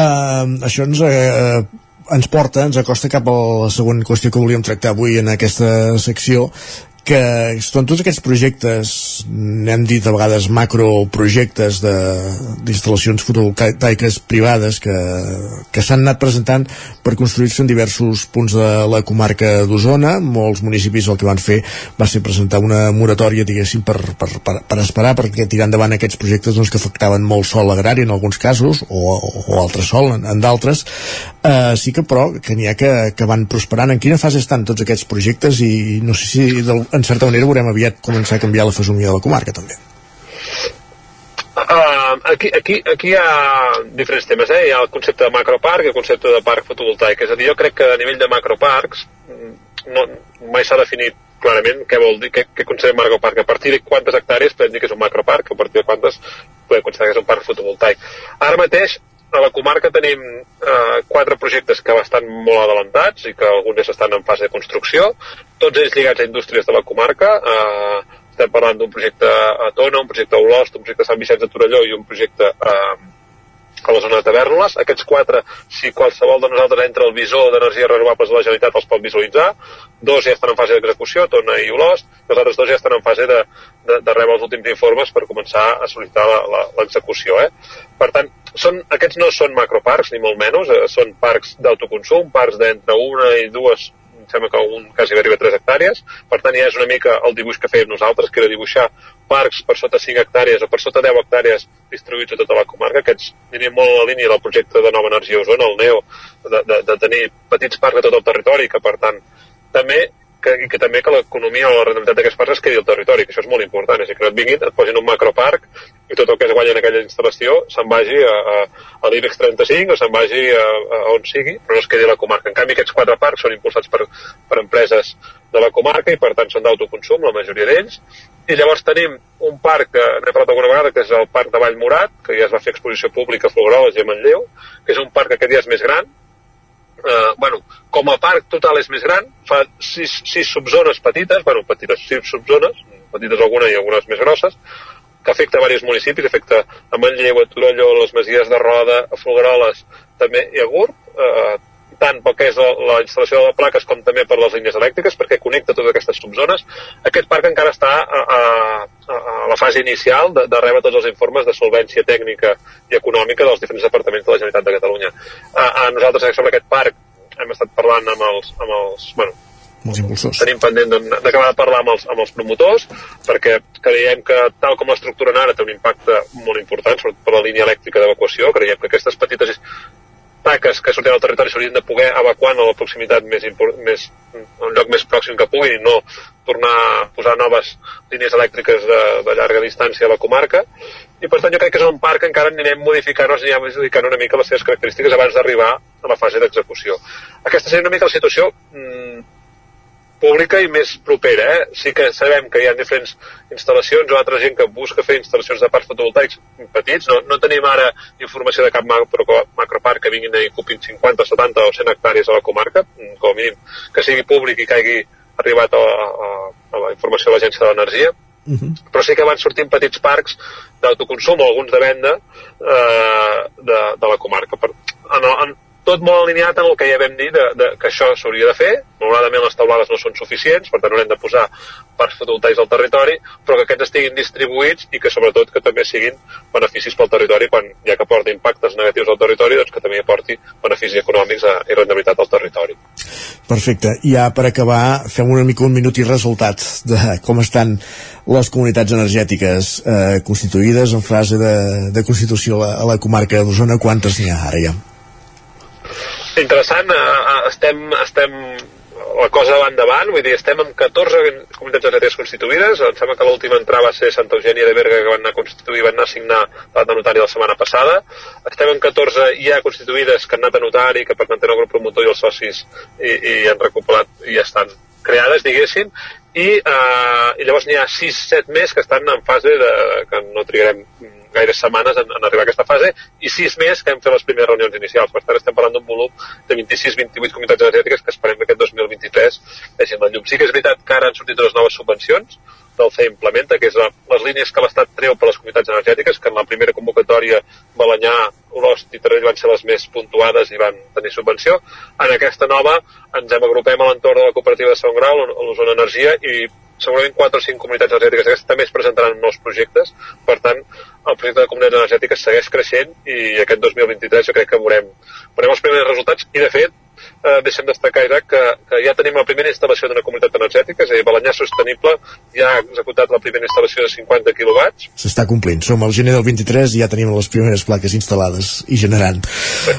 Perfecte, Gil, doncs moltíssimes gràcies per acompanyar-nos una setmana més. A vosaltres. I el mes que ve, si no tenim mal entès, ja parlarem de la fira, eh? perquè és el, serà el mes de febrer, sí. també, eh?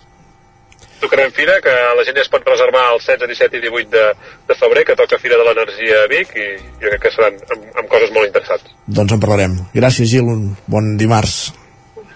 A vosaltres, merci. I avancem al territori 17. Després de parlar d'energia, el que fem és posar-nos al dia, ara que passa un minut de les 10 del matí. Territori 17.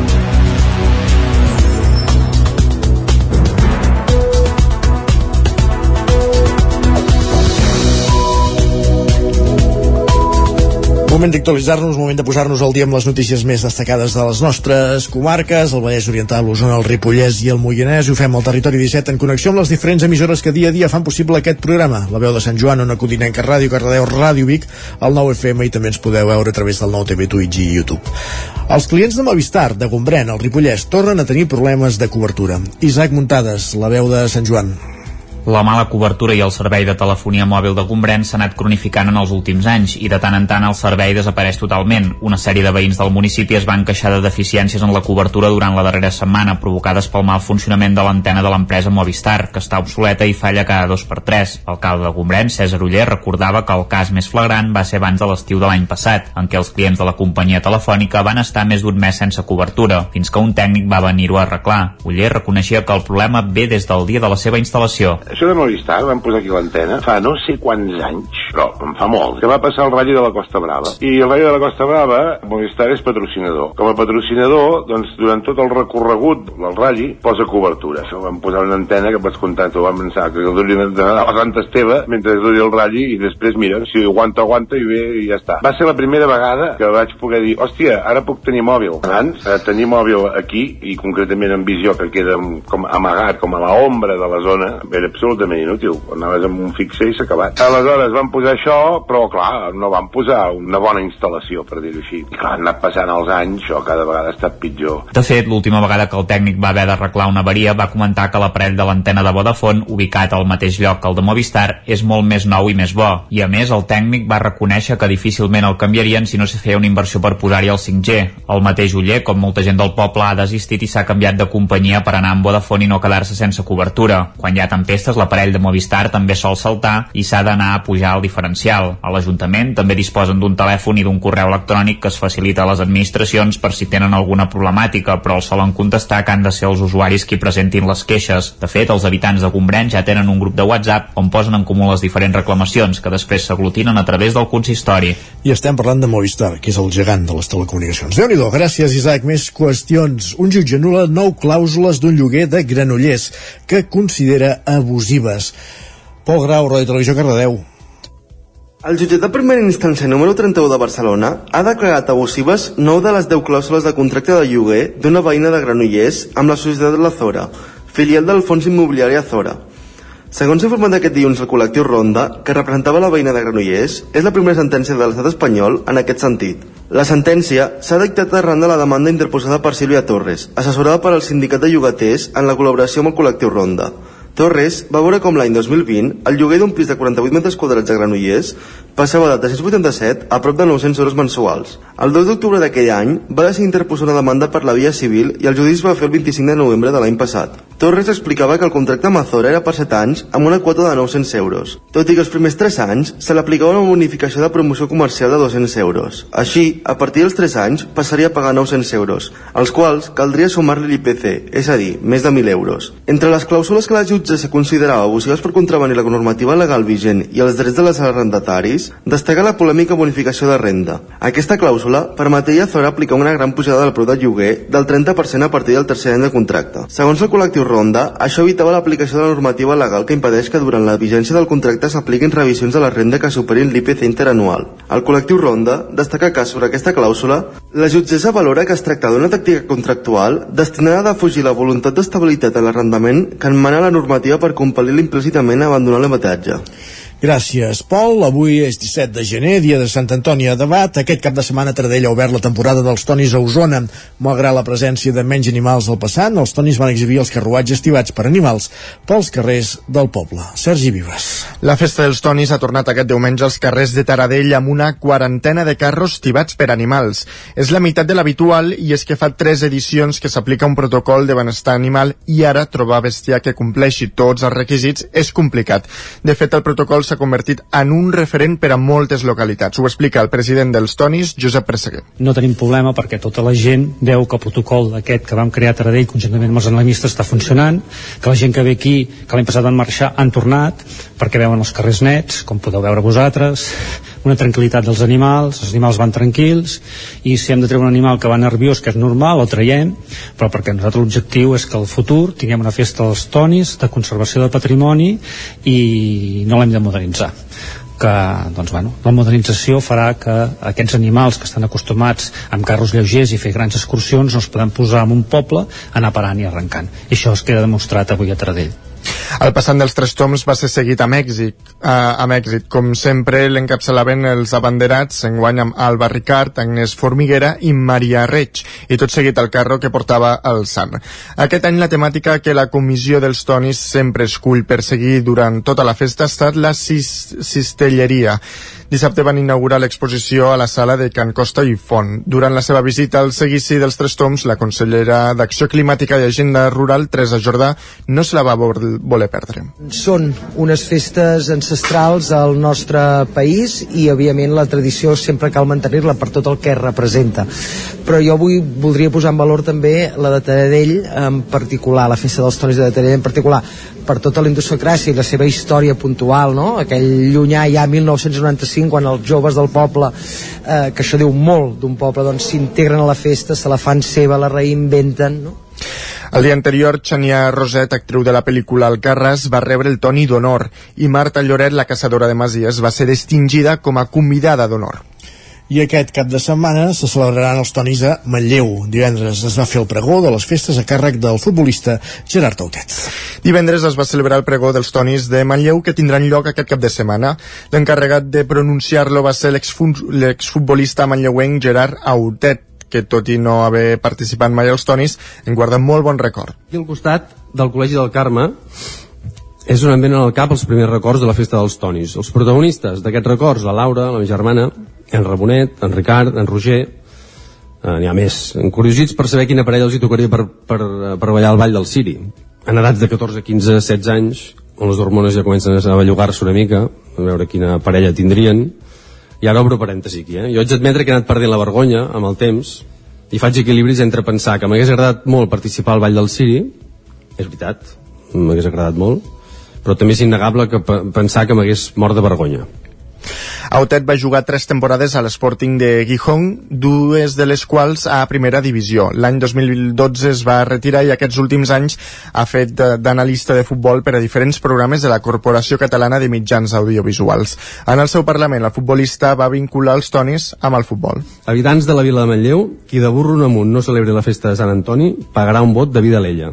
Dic a la una.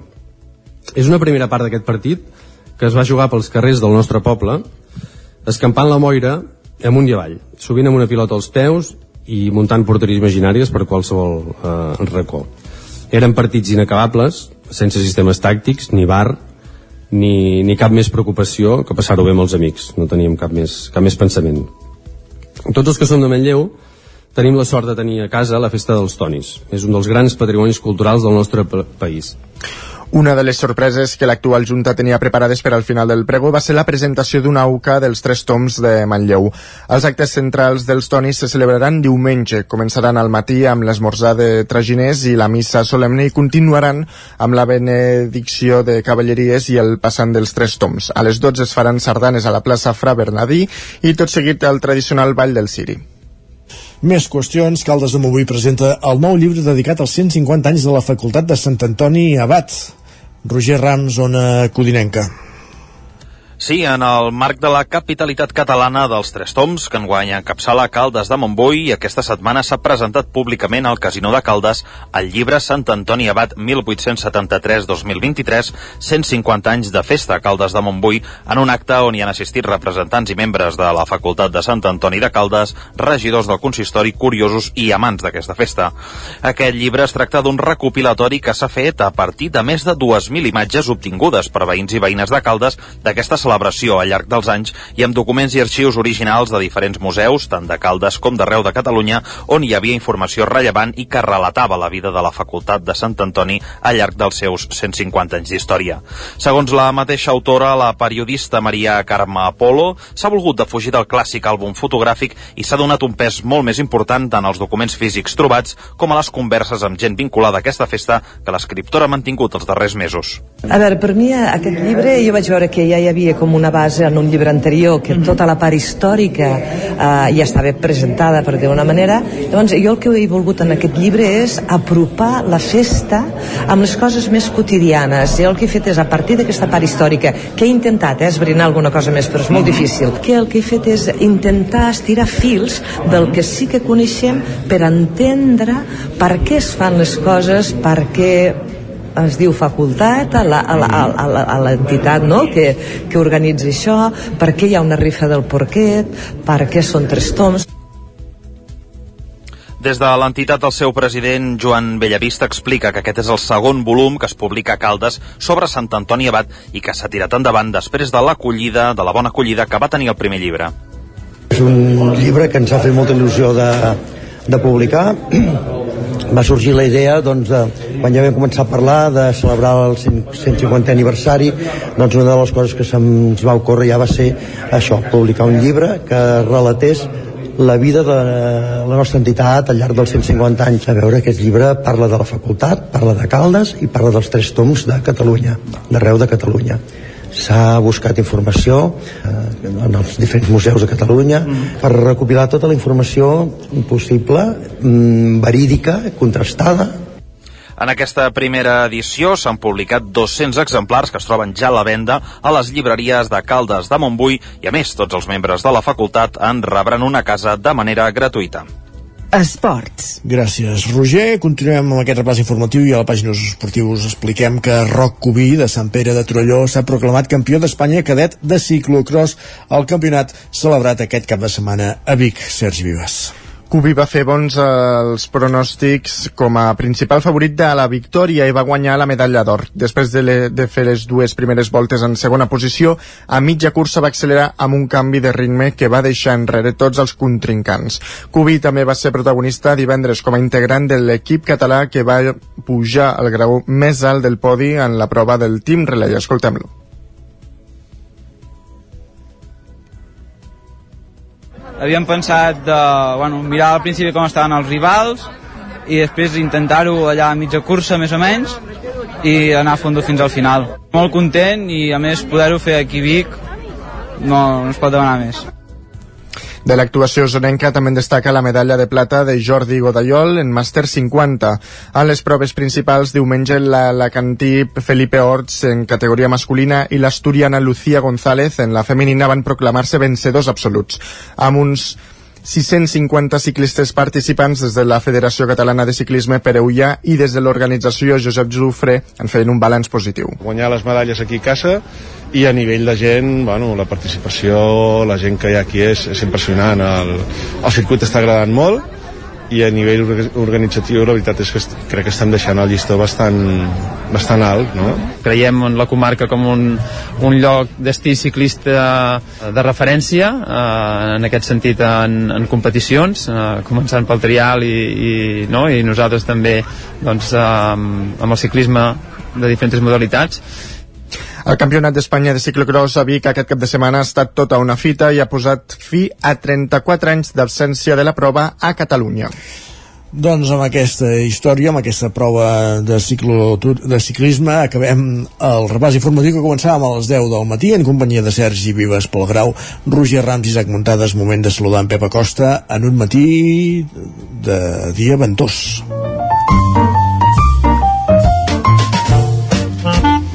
Casa Terradellos us ofereix el temps. El vent, que serà el protagonista meteorològic de la jornada. Pep Acosta, bon dia. Hola, molt bon dia. Bufarà durant tot el dia d'avui, eh? El dia d'avui serà el dia més vent i, per tant, moltíssima, moltíssima precaució.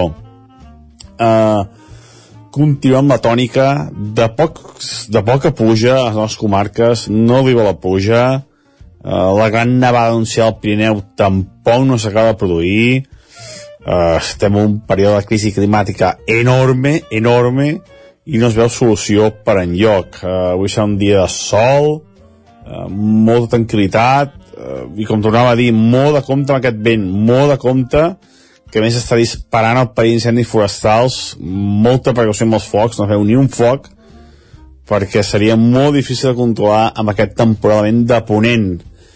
Un vent de ponent que a última del dia anirà girant a nord i farà baixar en picar les temperatures. Però ja seria a última, a ultimíssima hora del dia.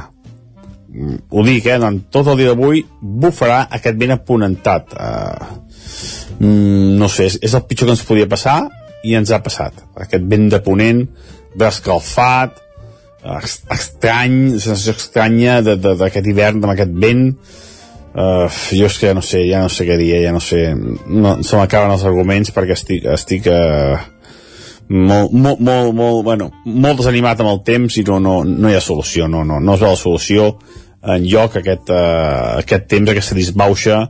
El 2023, 2023 encara ha començat pitjor que el 2022 en aquest sentit. I això és tot, uh, disfrutar el dia d'avui uh, a disfrutar d'aquesta ponentada si és que algú pot disfrutar i demà ens haurem escoltar moltes gràcies, adeu.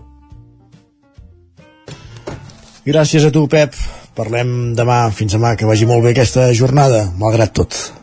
Tot seguit, Economia, al Territori 17. Casa Tarradellas us ha ofert aquest espai. Territori 17. Envia'ns les teves notes de veu per WhatsApp al 646 079 023. 646 079 023. WhatsApp Territori 17.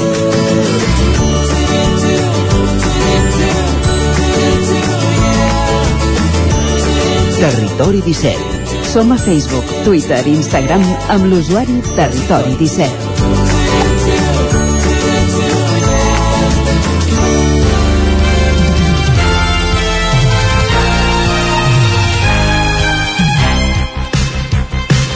Dos minuts i mig que passen d'un quart d'onze del matí al territori 17 ens disposem a parlar d'economia ho fem com cada dimarts en companyia d'en Joan Carles Arredondo, el cap d'economia del 9-9 del Vallès Oriental. Joan Carles, benvingut, bon dia. Bon dia. Avui per parlar de bancs, de bancs, d'entitats financeres i no sé si de resultats econòmics. Sí, d'algun resultat rècord, eh? podrem, podrem arribar a parlar. Eh, no era gaire difícil de preveure, eh? però les dades ho confirmen. Eh, la pujada de tipus d'interès està afavorint la gran banca. No? Ah. Això és un, diguem que això és un, un fet que era previsible, però ara diguem que se li poden posar dades.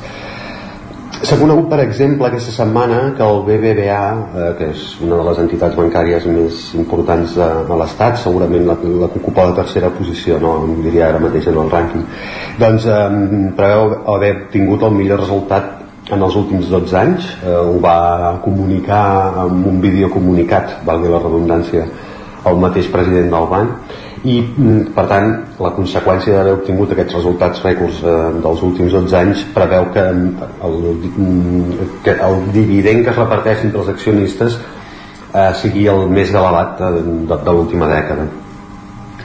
Eh, el consens entre els analistes és que aquests accionistes es repartiran 1.900 milions d'euros eh? no, no, no és poca cosa perquè els beneficis es calcula que seran de 6.300 milions d'euros. Eh, tampoc és poca cosa i tot això ens marca un context eh? eh? el context és la banca està traslladant immediatament les pujades de tipus d'interès eh? aquestes pujades que es decideixen normalment entre el tercer i el quart dijous de cada mes en el Banc Central Europeu és probable que aviat tinguem notícies en aquest sentit perquè res no fa preveure que aquesta escalada de tipus d'interès s'aturi doncs mentre això, mentre els tradueix immediatament en els tipus d'interès que cobren els clients ho frena, no, no, no, no ho està repercutint en la remuneració de, dels dipòsits eh? el, la banca tradicional eh, el que feia era premiar les persones que dipositaven diners eh, amb, amb un, amb, amb, amb donant-los un, un, un cert interès eh, per al, això passava abans que, que els tipus es posessin a zero les tradicions es perden què vol dir tot això traduït? Eh, sí, les decisions es perden i el problema de quan es perden és que costa recuperar-les. No? Sí. Tot això traduït vol dir la banca cobra més i paga menys, eh, i paga el mateix que pagava o fins i tot menys. No? Eh, la bretxa entre el que la banca fa pagar per una hipoteca i el que paga per un dipòsit s'eixampla, per exemple. Al setembre, que són les últimes dades disponibles, eh, fregava els dos punts percentuals eh? mentre el tipus d'interès que cobraven per una hipoteca estava sobre el 2% eh, dos, dos, dos, i poc per cent eh, la remuneració que feia pels dipòsits mm, es quedava molt per sota de l'1% eh? um, són dos punts percentuals naturalment en favor de la banca la banca sempre guanya eh, quan la mitjana històrica la mitjana històrica d'aquest diferencial eh, supera per poc els 1,3 punts i en canvi en comptes de confluir com amb aquesta, amb aquesta mitjana el que fa és caminar amb fermesa cap als màxims que es marcaven el 2014 les cares encara més grans si el que es comparen són els interessos eh, dels dipòsits i dels, dels crèdits de consum eh, que tenen, tenen tipus més elevats que les hipoteques eh. Aquesta, aquest diferencial ja està al voltant dels 7 punts percentuals la banca diguem-ne que guanya un 7% més eh, amb crèdits d'aquest tipus que no pas el que remunera en, els, en les persones que tenen els seus diners dipositats allà.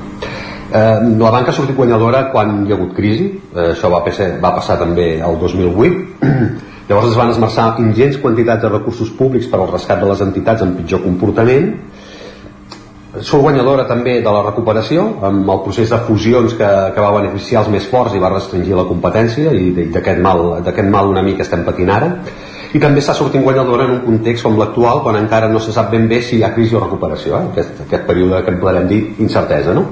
el que se sap és que la inflació i els tipus d'interès estan pujant això és una cosa que està clara eh, el pretext d'aquesta pujada porta les entitats a incrementar el cost dels crèdits tant els préstecs al consum com a les hipoteques però en canvi a conservar les comissions eh, que van posar comissions més fortes quan ens feien creure que, que s'estaven compensant per la pèrdua de negoci de, de, de, d'uns tipus d'interès tan baixos això en el moment en què han posat els tipus d'interès les comissions també s'han quedat eh, hi ha tradicions mm, que se'n van i algunes que queden eh? algunes de noves eh? sí. doncs aquesta de les comissions eh, com, com deien en temps de pandèmia han arribat per quedar-se eh?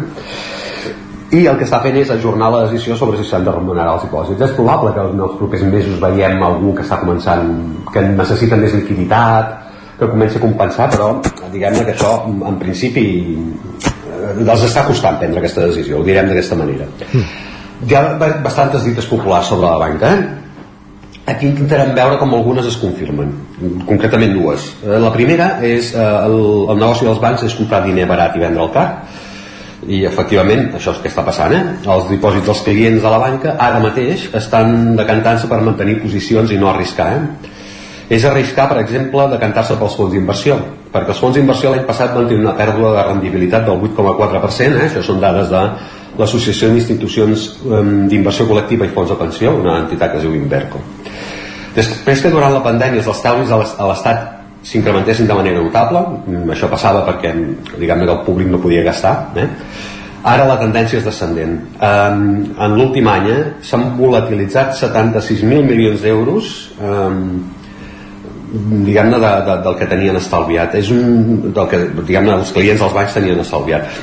És un 3% menys del que tenien en dipòsits fons d'inversió, accions, assegurances eh, les, les, les diverses modalitats d'inversió que hi pugui haver. Doncs això eh, s'ha volatilitzat un 3% què ha passat? la recuperació de la normalitat eh, que permet que la gent gasti més i sobretot eh, la inflació eh? tot això, la inflació ha sigut el que ha fet passar el ribot per la capacitat d'estalvi però encara hi ha un element que, que convé no perdre de vista eh? els dipòsits, que per entendre'n són els comptes corrents i les llibretes de tota la vida eh? Eh, són la forma més habitual d'estalvi al setembre representaven ja el 41% del total i això són 3 punts més que el gener els clients es comporten com apunten els experts eh? en temps de bonança tothom s'atreveix amb els plats exòtics diguem-ne i, però en temps d'incertesa com els actuals tornen a les dietes clàssiques i, i esta, la manera d'una dieta clàssica diguem-ne seria tenir els, els diners en dipòsit. La segona dita que dèiem de, dels bancs que es confirma en aquest temps d'incertesa. La banca dona al client un paraigües quan fa sol i li pren quan plou eh? això és un, un, una, una mala dita sobre, sobre els bancs. A vegades mm, veurem com aquest que, que és bastant ajustada a la realitat no? Eh, ara quan els auguris pels efectes de la guerra a Ucraïna per l'elevada inflació etc que això, eh, el temps, del temps d'incertesa que estàvem descrivint els bancs no estan fent cap esforç per premiar els estalvis i estan accelerant les pujades de tipus d'interès en els crèdits.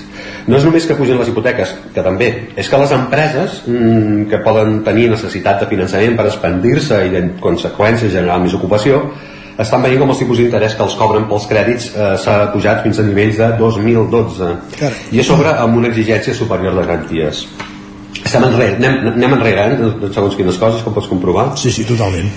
També està passant també està passant que s'estan rebutjant més peticions de crèdit a les empreses eh, que en canvi això es dona en un moment en el qual l'índex de morositat bancària està en el nivell més baix dels últims 12 anys eh? Mm, pa- sense paraigües quan comença a ploure eh? podríem, podríem dir no és estrany que la situació porti els resultats extraordinaris per tant que està tenint la banca remunera els dipòsits com quan els tipus d'interès estaven en negatiu cobra crèdits d'acord amb la pujada que acorda el Banc Central Europeu manté la política de comissions que va aplicar quan no tenia gaires alternatives per rendibilitzar el negoci a més està desmantellant la xarxa d'oficina això vol dir que mm, hi ha menys despesa de personal el servei es deteriora però diguem-ne que no, no, no, això no els està passant gaire factura. Tot això està sent possible perquè encara mm, perquè encara s'ha donat una situació en què les incerteses s'hagin traduït en un descens de l'activitat ni tampoc del consum. Les dades estan demostrant que l'ocupació està resistint però si la, la ciutadania continua perdent poder adquisitiu i tampoc els donen crèdit potser el consum es ressent el consum encara és el pal de paller de l'economia. I si baixa molt, els experts es pregunten eh, es preguntaran com ha estat possible. Doncs quan hagin de demanar explicacions que li demanin també a la banca. Sens dubte. Uh, llavors que no ens vinguin a demanar respostes. Moltíssimes gràcies Joan Carles. Gràcies a vosaltres, bon dia. El nou FM, la ràdio de casa, al 92.8. Has esperat que arribi el fred per comprovar si et funciona bé la caldera? No pateixis, a Casa Jové som especialistes en manteniment, reparació i revisió d'equips d'aigua calenta i calefacció, tant en l'ambient domèstic com industrial. Si tens una avaria, no ho dubtis. Som Casa Jové. Ens trobaràs al carrer Girona, número 9 de Vic i al telèfon 93 886 1596. Casa Jové, el teu servei tècnic de confiança. Vols rebre alertes sobre el teu consum d'aigua? Amb l'API l'oficina virtual d'Aigües Vic podràs seguir el teu consum d'aigua, fer tràmits i consultar la teva factura. Activa't! Entre tots podem fer un consum més responsable de l'aigua. Més informació a aigüesvic.com. Bon dia, us truco del servei tècnic oficial de Bailand. Hem detectat que la pressió de la seva caldera està baixant. No me n'havia adonat. Com es pot solucionar? Ho resoldrem en uns minuts. No espereu més. Amb el servei de manteniment ServiPlus Connect de Bailand, preocupeu-vos del que realment importa. Nosaltres ens encarreguem de la vostra caldera. Informeu-vos a connectivitat.bailand.es. Bon dia, són les 9 al Territori 17. La Miquel Parella, Cada matí i durant dues hores t'acompanyem i et posem al dia de l'actualitat de casa nostra. Potenciant així l'autonomia En aquest cas me la peça el teler si no... Cursos per feminitzar el pensament masculí. Territori 17, el magazín matinal d'Osona, el Moianès, el Ripollès i el Vallès Oriental. Que la meva àvia de 93 el anys... 9 FM, el 9 TV, el 99.cat i també els nostres canals de Twitch i YouTube. demà per fer-se un tatuatge. Cada matí, Territori 17. Ole. Cocodril Club. Si t'agrada la bona música dels anys 60, 70 i 80, escolta el 9 FM als matins de dissabtes i diumenges d'11 a 1. És el temps del Cocodril Club, tot un clàssic de la ràdio, amb les bases del pop-rock, les llegendes, les cançons que s'han convertit en autèntics himnes. Recorda, dissabtes i diumenges al matí, d'11 a 1, al 9 FM 92.8. Cocodril Club, el programa revival de l'Albert Malla. Hasta luego, cocodrilo. Anuncia't al 9FM. La màquina de casa. 9 3 8 8 9 4 9 4 9. Publicitat arroba al 9FM.cat. Anuncia't al 9FM. La publicitat més eficaç. Bon dia, són les 9 al Territori 17. La Miquel Parella, Cada matí i durant dues hores t'acompanyem i et posem al dia de l'actualitat de casa nostra. Potenciant així l'autonomia En aquest cas me la peça el teler si no... Cursos per feminitzar el pensament masculí. Territori 17, el magazín matinal d'Osona, el Moianès, el Ripollès i el Vallès Que Oriental. la meva àvia de 93 el anys... 9 FM, el 9 TV, el 99.cat i també els nostres canals de Twitch i I YouTube. demà per fer-se un tatuatge. Cada matí, Territori 17. Ole. El 9 FM, el 9 FM, el 9 FM. En punt ara mateix al Territori 17, dos quarts d'onze.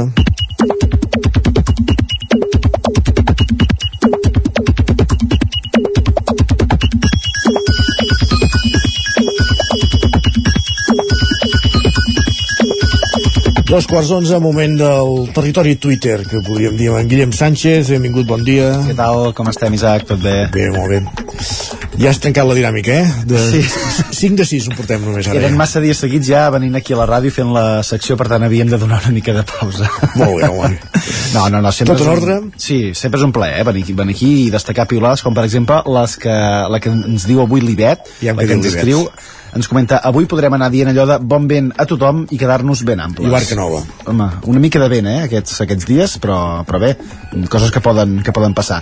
Tot això després d'un dilluns considerat el dia més trist de l'any, el Blue Monday, no sé si en vau parlar i Sí, i tant, molt. doncs va, llegim alguns comentaris més. Per exemple, aquest que ens diuen no, necessi no necessito el Blue Monday per estar trist. De fet, trobo molt malament estar trist només un dia a l'any. La meva cultura no és una disfressa. Home, es pot estar trist els dies que es vulgui de l'any i no cal una, una excusa com aquest tercer dilluns del mes de, de gener per, per estar-hi. Exacte. I tant. De fet, ahir era, no era un Blue Monday, ja ho vam dir-ho, que era un Blue Gran Monday. En Pau, en aquest sentit, ens demana el següent. Diu, hauríem d'instaurar el Blue Monday com el Dia Internacional de les Cantautores i els Cantautors. Home, no només fan música trista, no? I, i Fan cançons maquíssimes, Per molts tant- cantautors i moltes cantautores. Per tant, jo aquesta proposta no la, no la sabia Rei, massa. reivindiquem i, no, que, i, i que no me'ls toquin, que digués. Que. Doncs, doncs va, en Pere ens escriu no sé si és el Blue Monday, el fred, el vent, la inflació o l'implacable poder del pas del temps, però avui la caixera del supermercat m'ha preguntat si volia fer-me la targeta client i mirant-li els ulls com qui mira un abisme li he respost què, que sí o que no? Va, que sí. Que sí, correcte, avui sí. correcte, Isaac, Avui correcte. toca. O sigui, només podia ser un Monday que et fessis la targeta client del, del supermercat. Molt bé. I no sé si algú més li va passar això que li va passar a aquest usuari que ens Ja. escriu doncs jo m'he pensat que això del Blue Monday era com el Black Friday però al gener i m'he passat tot el dia buscant descomptes per internet. I que n'ha trobat o no? jo diria que no gaires. Però bé, eh, potser ha trobat alguna, alguna cosa interessant perquè em sembla que aquest dia, aquests dies també amb, amb rebaixes segur que hi ha alguna, algun incentiu i alguna cosa per, per poder comprar. De fet, és que en un mes portem el, el, el, el Black Friday, el Cyber Monday i ara el Blue Gran Monday. Per tant, ens falta el Cyber Friday, no? Encara... Exacte. per anar trobant associacions així estranyes, va. Segur que han tingut problemes, doncs, aquest usuari, deien, potser per trobar aquests descomptes, però per problemes, els d'aquest altre usuari que ens diu m'ha demanat que li estiri els cabells amb el secador. Diu, ara estic suant un merder. Jo no ho he hagut de fer mai, això. Estirar els cabells amb l'assecador?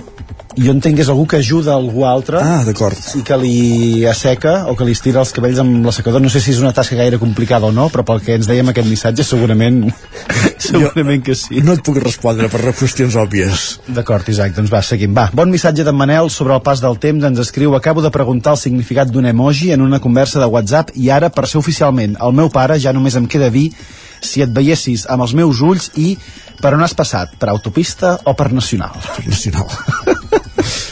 De fet, hi ha molta gent que li ha respost amb aquest missatge, també amb frases i amb expressions típiques de la, no sé si de la segona, la tercera o la quarta edat. De fet, la nacional també eh, s'havia dit la, la general. La general. La general.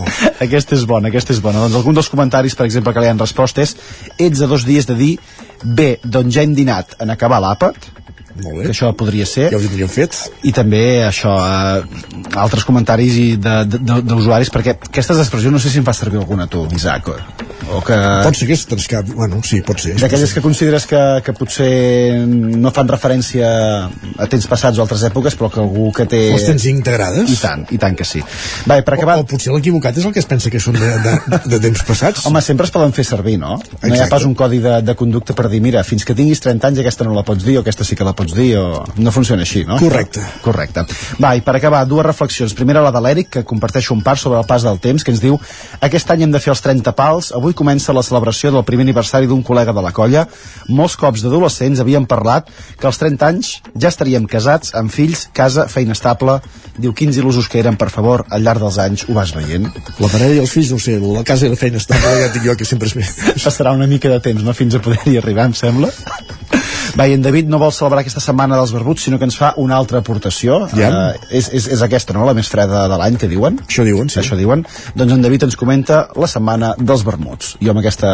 També jugues. Amb aquesta proposta m'hi sumo i que em digui hora, lloc i dia i serem allà per, per seguir-ho celebrant. Me'n deixes dir una de piulada per rematar-ho tot? I tant, i tant, només faltaria. De l'admirat amic Héctor Aranda, periodista del Berguedà, esteu molt pesats amb la meteo. Lo normal per aquestes latituds és que el gener faci fred i ja està. Antes la gent no vivia amb l'ai al cor com vosaltres. Que neva, tra traiem la pala. Que fa fred, ens abriguem, sense histèria, assumint la cosa amb naturalitat. Doncs mira, jo no li respondria per la via del temps, sinó per la via de les expressions que ha fet servir per fer referència a aquest tuit, que potser podria semblar un d'aquells de, dels, dels d'actes, també. Però t'ha agradat o no? Està, està bé, Isaac. Està Tota bé. la raó del Monteo, Héctor, sempre. I va, que sí. Gràcies, Guillem. Ens escoltem demà. Adéu-siau.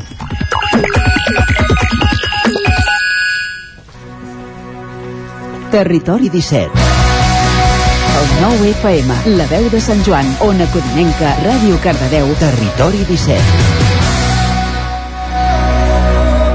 I al Territori 17 el que fem tot seguit és entrar al Territori Dona.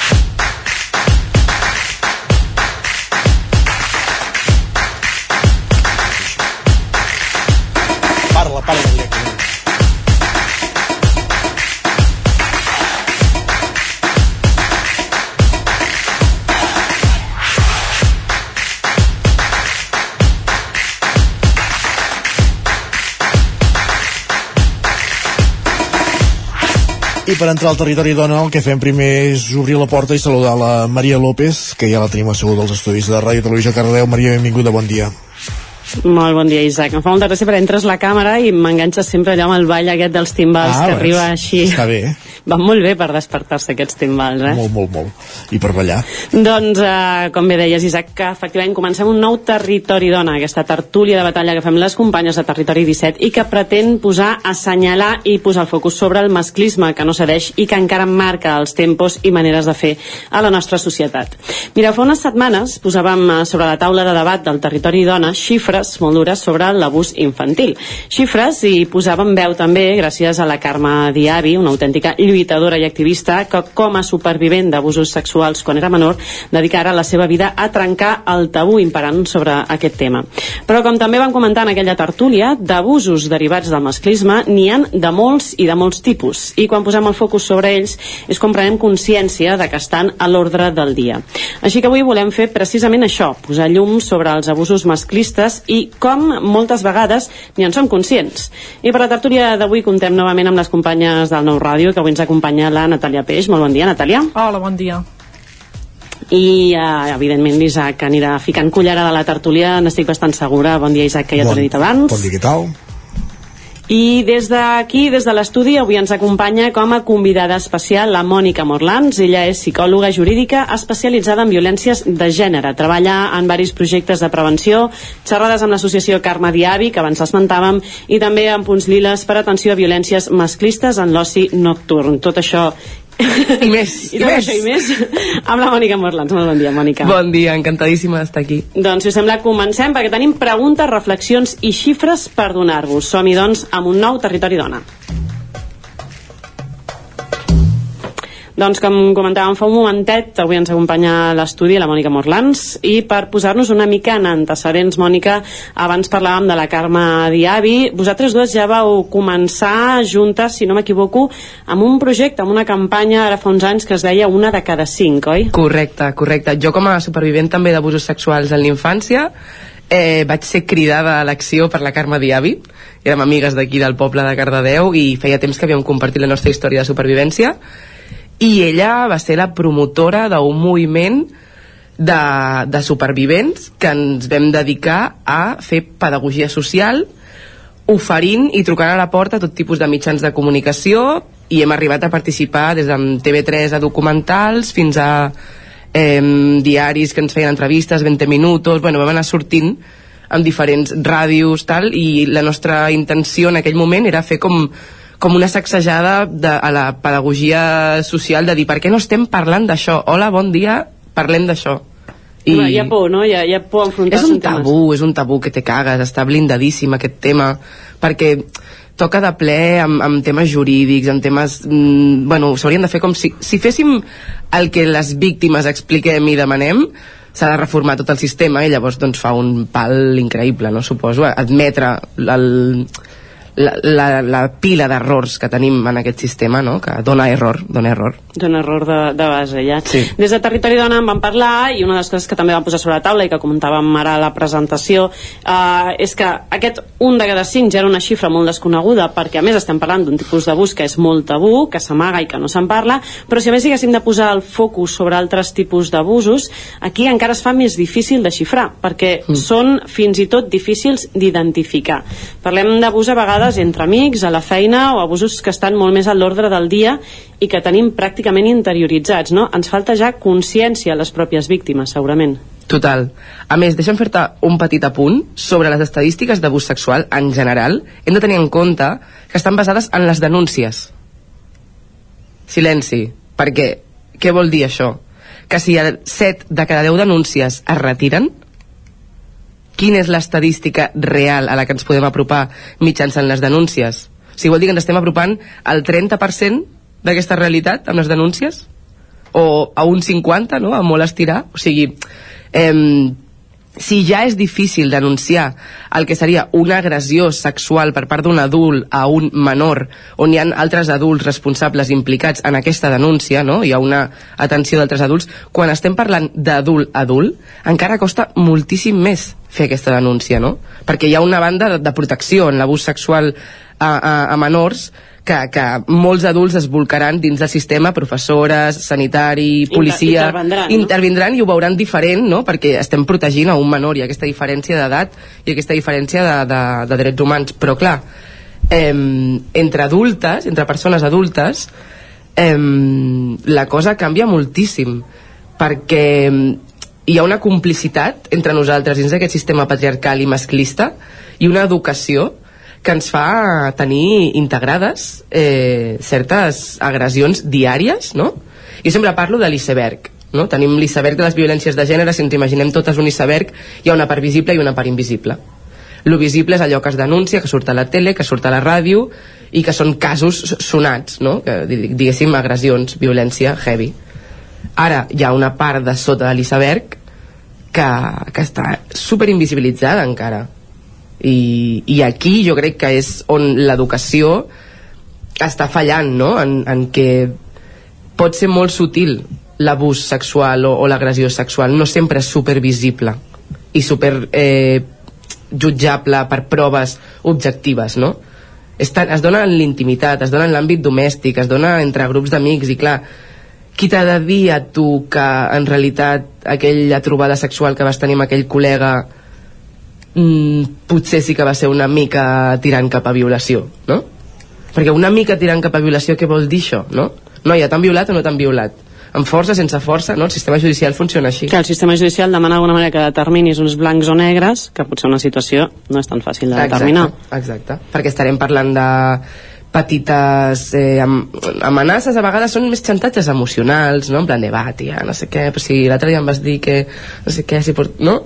I a vegades hi ha com una espècie de, de manipulació i de menjar de tarro o unes pressions, no? a vegades ve en la nostra educació, no? una desi desitjabilitat d'agradar i de comportar-te com el grup s'està comportant i llavors acabes fent certes coses que, que, que no vols fer i això passa tant per part de la víctima com per part de l'agressor i aquest és un tema que ja saps que eh, jo l'intento portar sempre sobre la taula últimament perquè veig que 2050 és parlar dels agressors deixem de parlar de les víctimes i aquesta mimetització amb, el, amb, amb, amb les normes socials de rols de gènere també la, pateix, la pateixen els agressors uh -huh. m'entens? les persones agressores també estan seguint uns patrons que aquesta societat ens ha marcat no?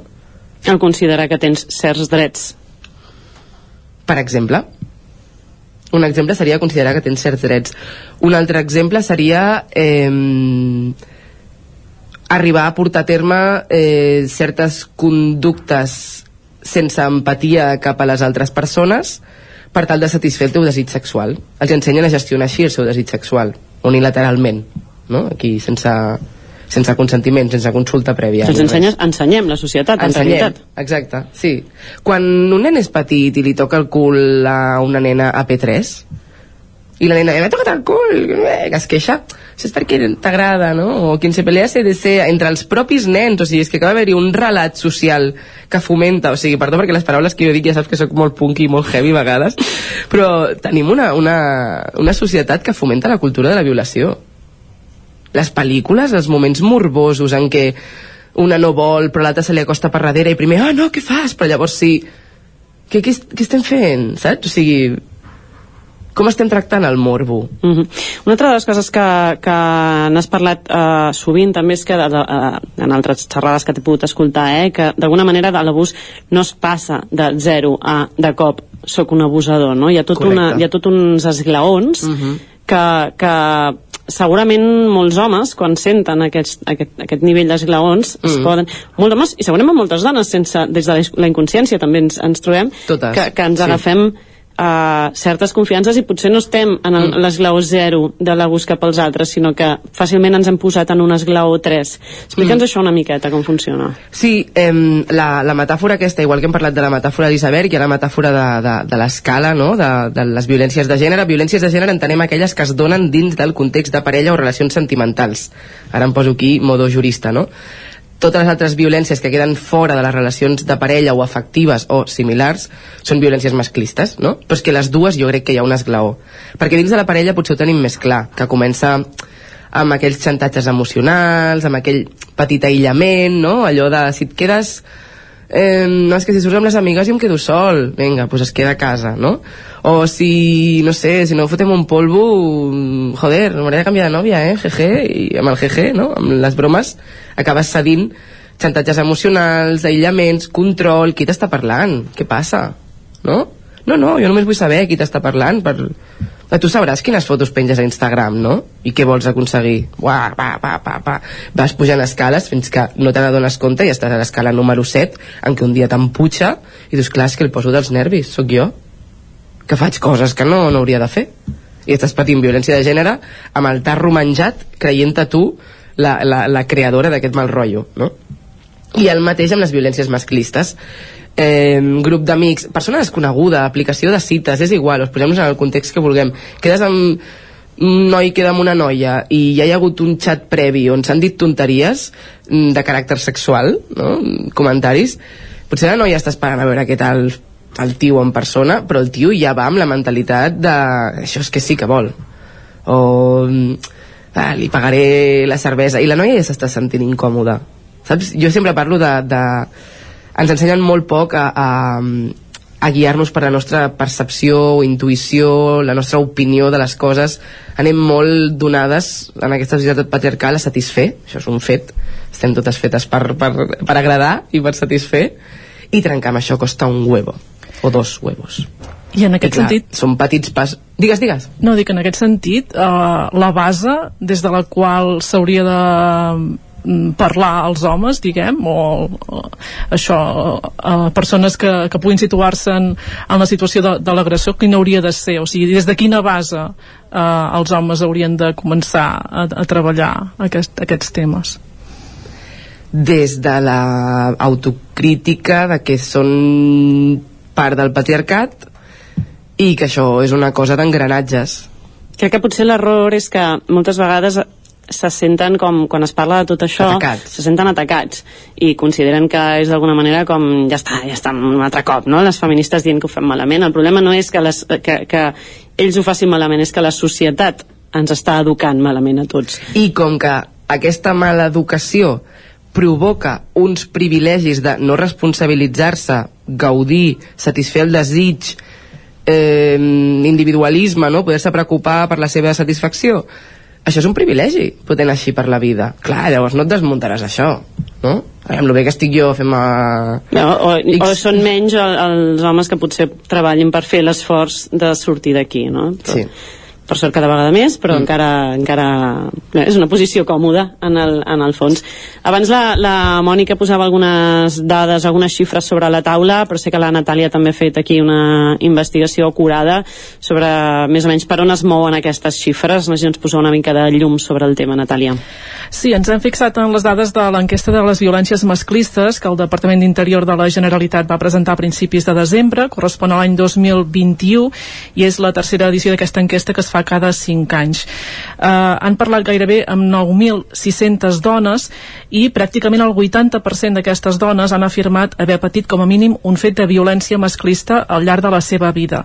A més a més, una quarta part, el 26%, ho ha patit en l'últim any, una dada que puja 9 punts respecte a l'enquesta anterior que va ser la del 2016. La violència més habitual és la sexual, eh, s'hi inclouen comentaris sexuals i in, inclosos aquests comentaris doncs més d'un 65% de les encastades n'ha patit al llarg de la seva vida.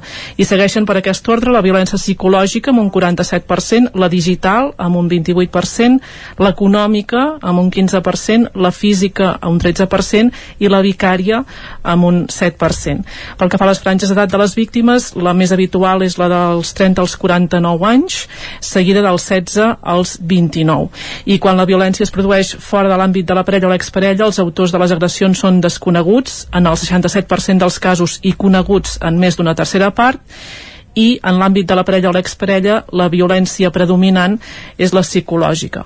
Un dels factors que ara també en podem parlar amb la Mònica per demanar-li la seva opinió, que explicaria l'augment de les dades, d'aquesta percepció que tenen eh, les dones de les violències masclistes que pateixen, és eh, precisament que aquesta conscienciació va creixent i que cada vegada s'identifiquen més aquestes violències masclistes i també eh, això explicaria diguem que entre les dones joves que poder tenen més consciència del, del que està passant hi hagi també més la percepció de que han patit o estan patint violències masclistes més que en les franges d'edat de, de dones més, més grans.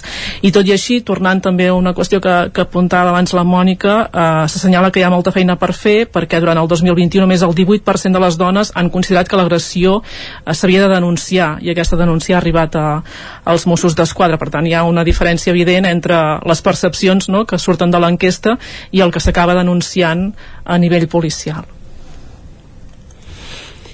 Mm, déu nhi les dades, jo em quedo sobretot eh, perquè realment fins a la xifra de, de violència física és fins on crec que hi ha el dubte de denunciar o no denunciar, no? Sembla que s'hagin... una sensació que són coses que s'han d'arreglar internament, per si dir-ho.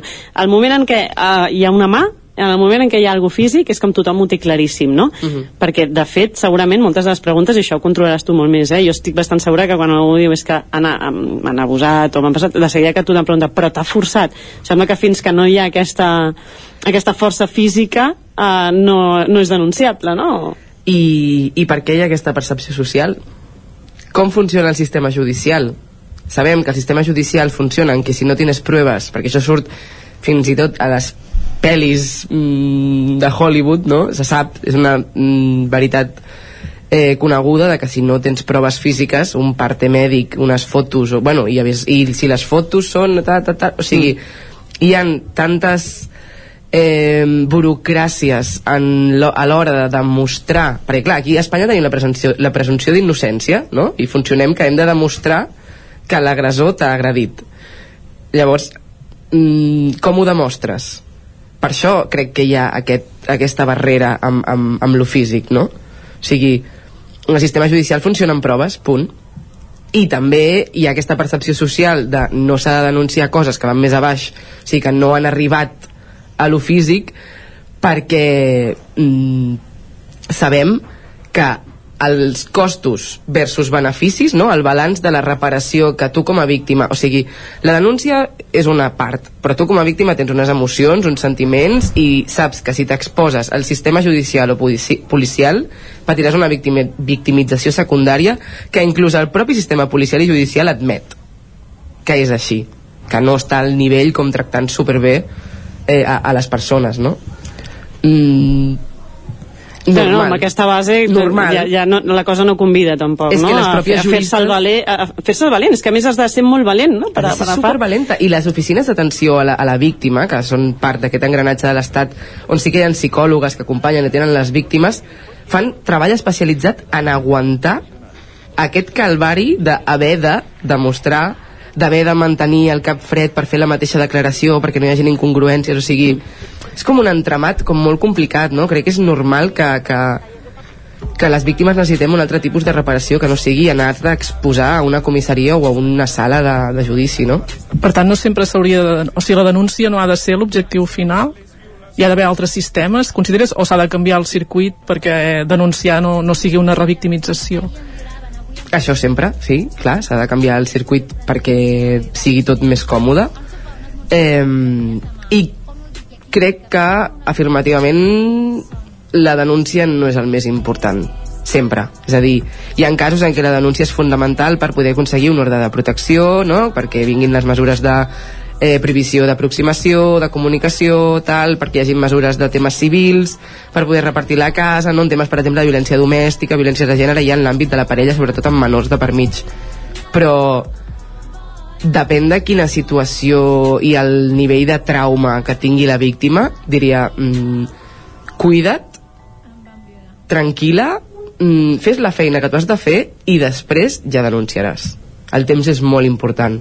El temps és cert que que et pots permetre com a víctima o sigui, si Sí. tu esperes X temps a fer la denúncia no hi ha cap problema en aquest sentit a nivell de Depèn. proves potser A nivell de proves, exacte. O sigui, sí que és recomanable que si algú pateix una agressió faci l'esforç d'apropar-se a l'hospital perquè hi hagi un parte mèdic, d'apropar-se a comissaria, però clar, un cop t'apropes a comissaria ja et diuen en 72 hores es resoldrà un, un judici amb el jutjat de guàrdia i sabrem si anem a judici o no, amb el tipus de proves i testimonis que aportes. Llavors, mm, és molt delicat. És un tema molt delicat que, que o sigui, amb les cartes del joc que, que, que tenim sobre la taula mm, és que no podem jugar a, a, no ens podem inventar, no? Perquè tenim el que tenim. Llavors, és una balança molt complicada entre el propi benestar i poder jugar amb, amb les cartes que et dona el sistema. És que estem, o sigui, estem en una situació mm, on hi ha molta consciència, no? molta teoria, però a la pràctica tenim un xurro. Doncs eh, difícil gestió està clar la que se'ns planteja i la que es planteja en el cas de- d'abús, en el cas de per totes les víctimes, no? aquestes cartes de joc que ens deia la Mònica, que a vegades ens obliguen més a prendre decisions passant per sobre de les nostres pròpies emocions Total. i això ens deixa en una clara desavantatge. Uh, sonava ja de fons la cançó de comiat d'avui del Territori Dona, proposta de la Natàlia, explica'm què estem, què estem escoltant. Doncs és el tema Una de cada tres del grup Àngela, una denúncia en primera persona per part de la cantant, la Valèria Aznar, de la violació que va patir per part d'un amic molt proper i la cançó parla de la culpa que senten les víctimes de violència sexual i també de la solitud d'aquesta també revictimització social i, i de l'entorn. Doncs amb aquesta proposta acomiadem el territori dona d'avui. Moltíssimes gràcies, Mònica, Natàlia, ens veiem properament i Isaac, et torno un relleu i acomiadem amb aquesta bona música de fons. Adéu. Has begut l'enteniment, l'Esteve no és violent, no m'ho crec, anaves borratxa. Freca, freca, això ja passa. Ho he llegit i ho he vist, tu inventes, és molt trist. Vas de festa, ets feliç i de sobte la tempesta, això són banyes, que he pillat, el rei guanya. Escaquimat. M'encanta el teu discurs molt correcte i feminista. Fins que jo sóc l'abusada ets un més de la manada. Trenca murs, ja no ets mut, és abús. I sí, és a mi, i t'ho dic, i per fi, ja respiro, però m'ofego. I et prego que em miris als ulls. Em dic Valèria, tinc 24 anys i em van violar.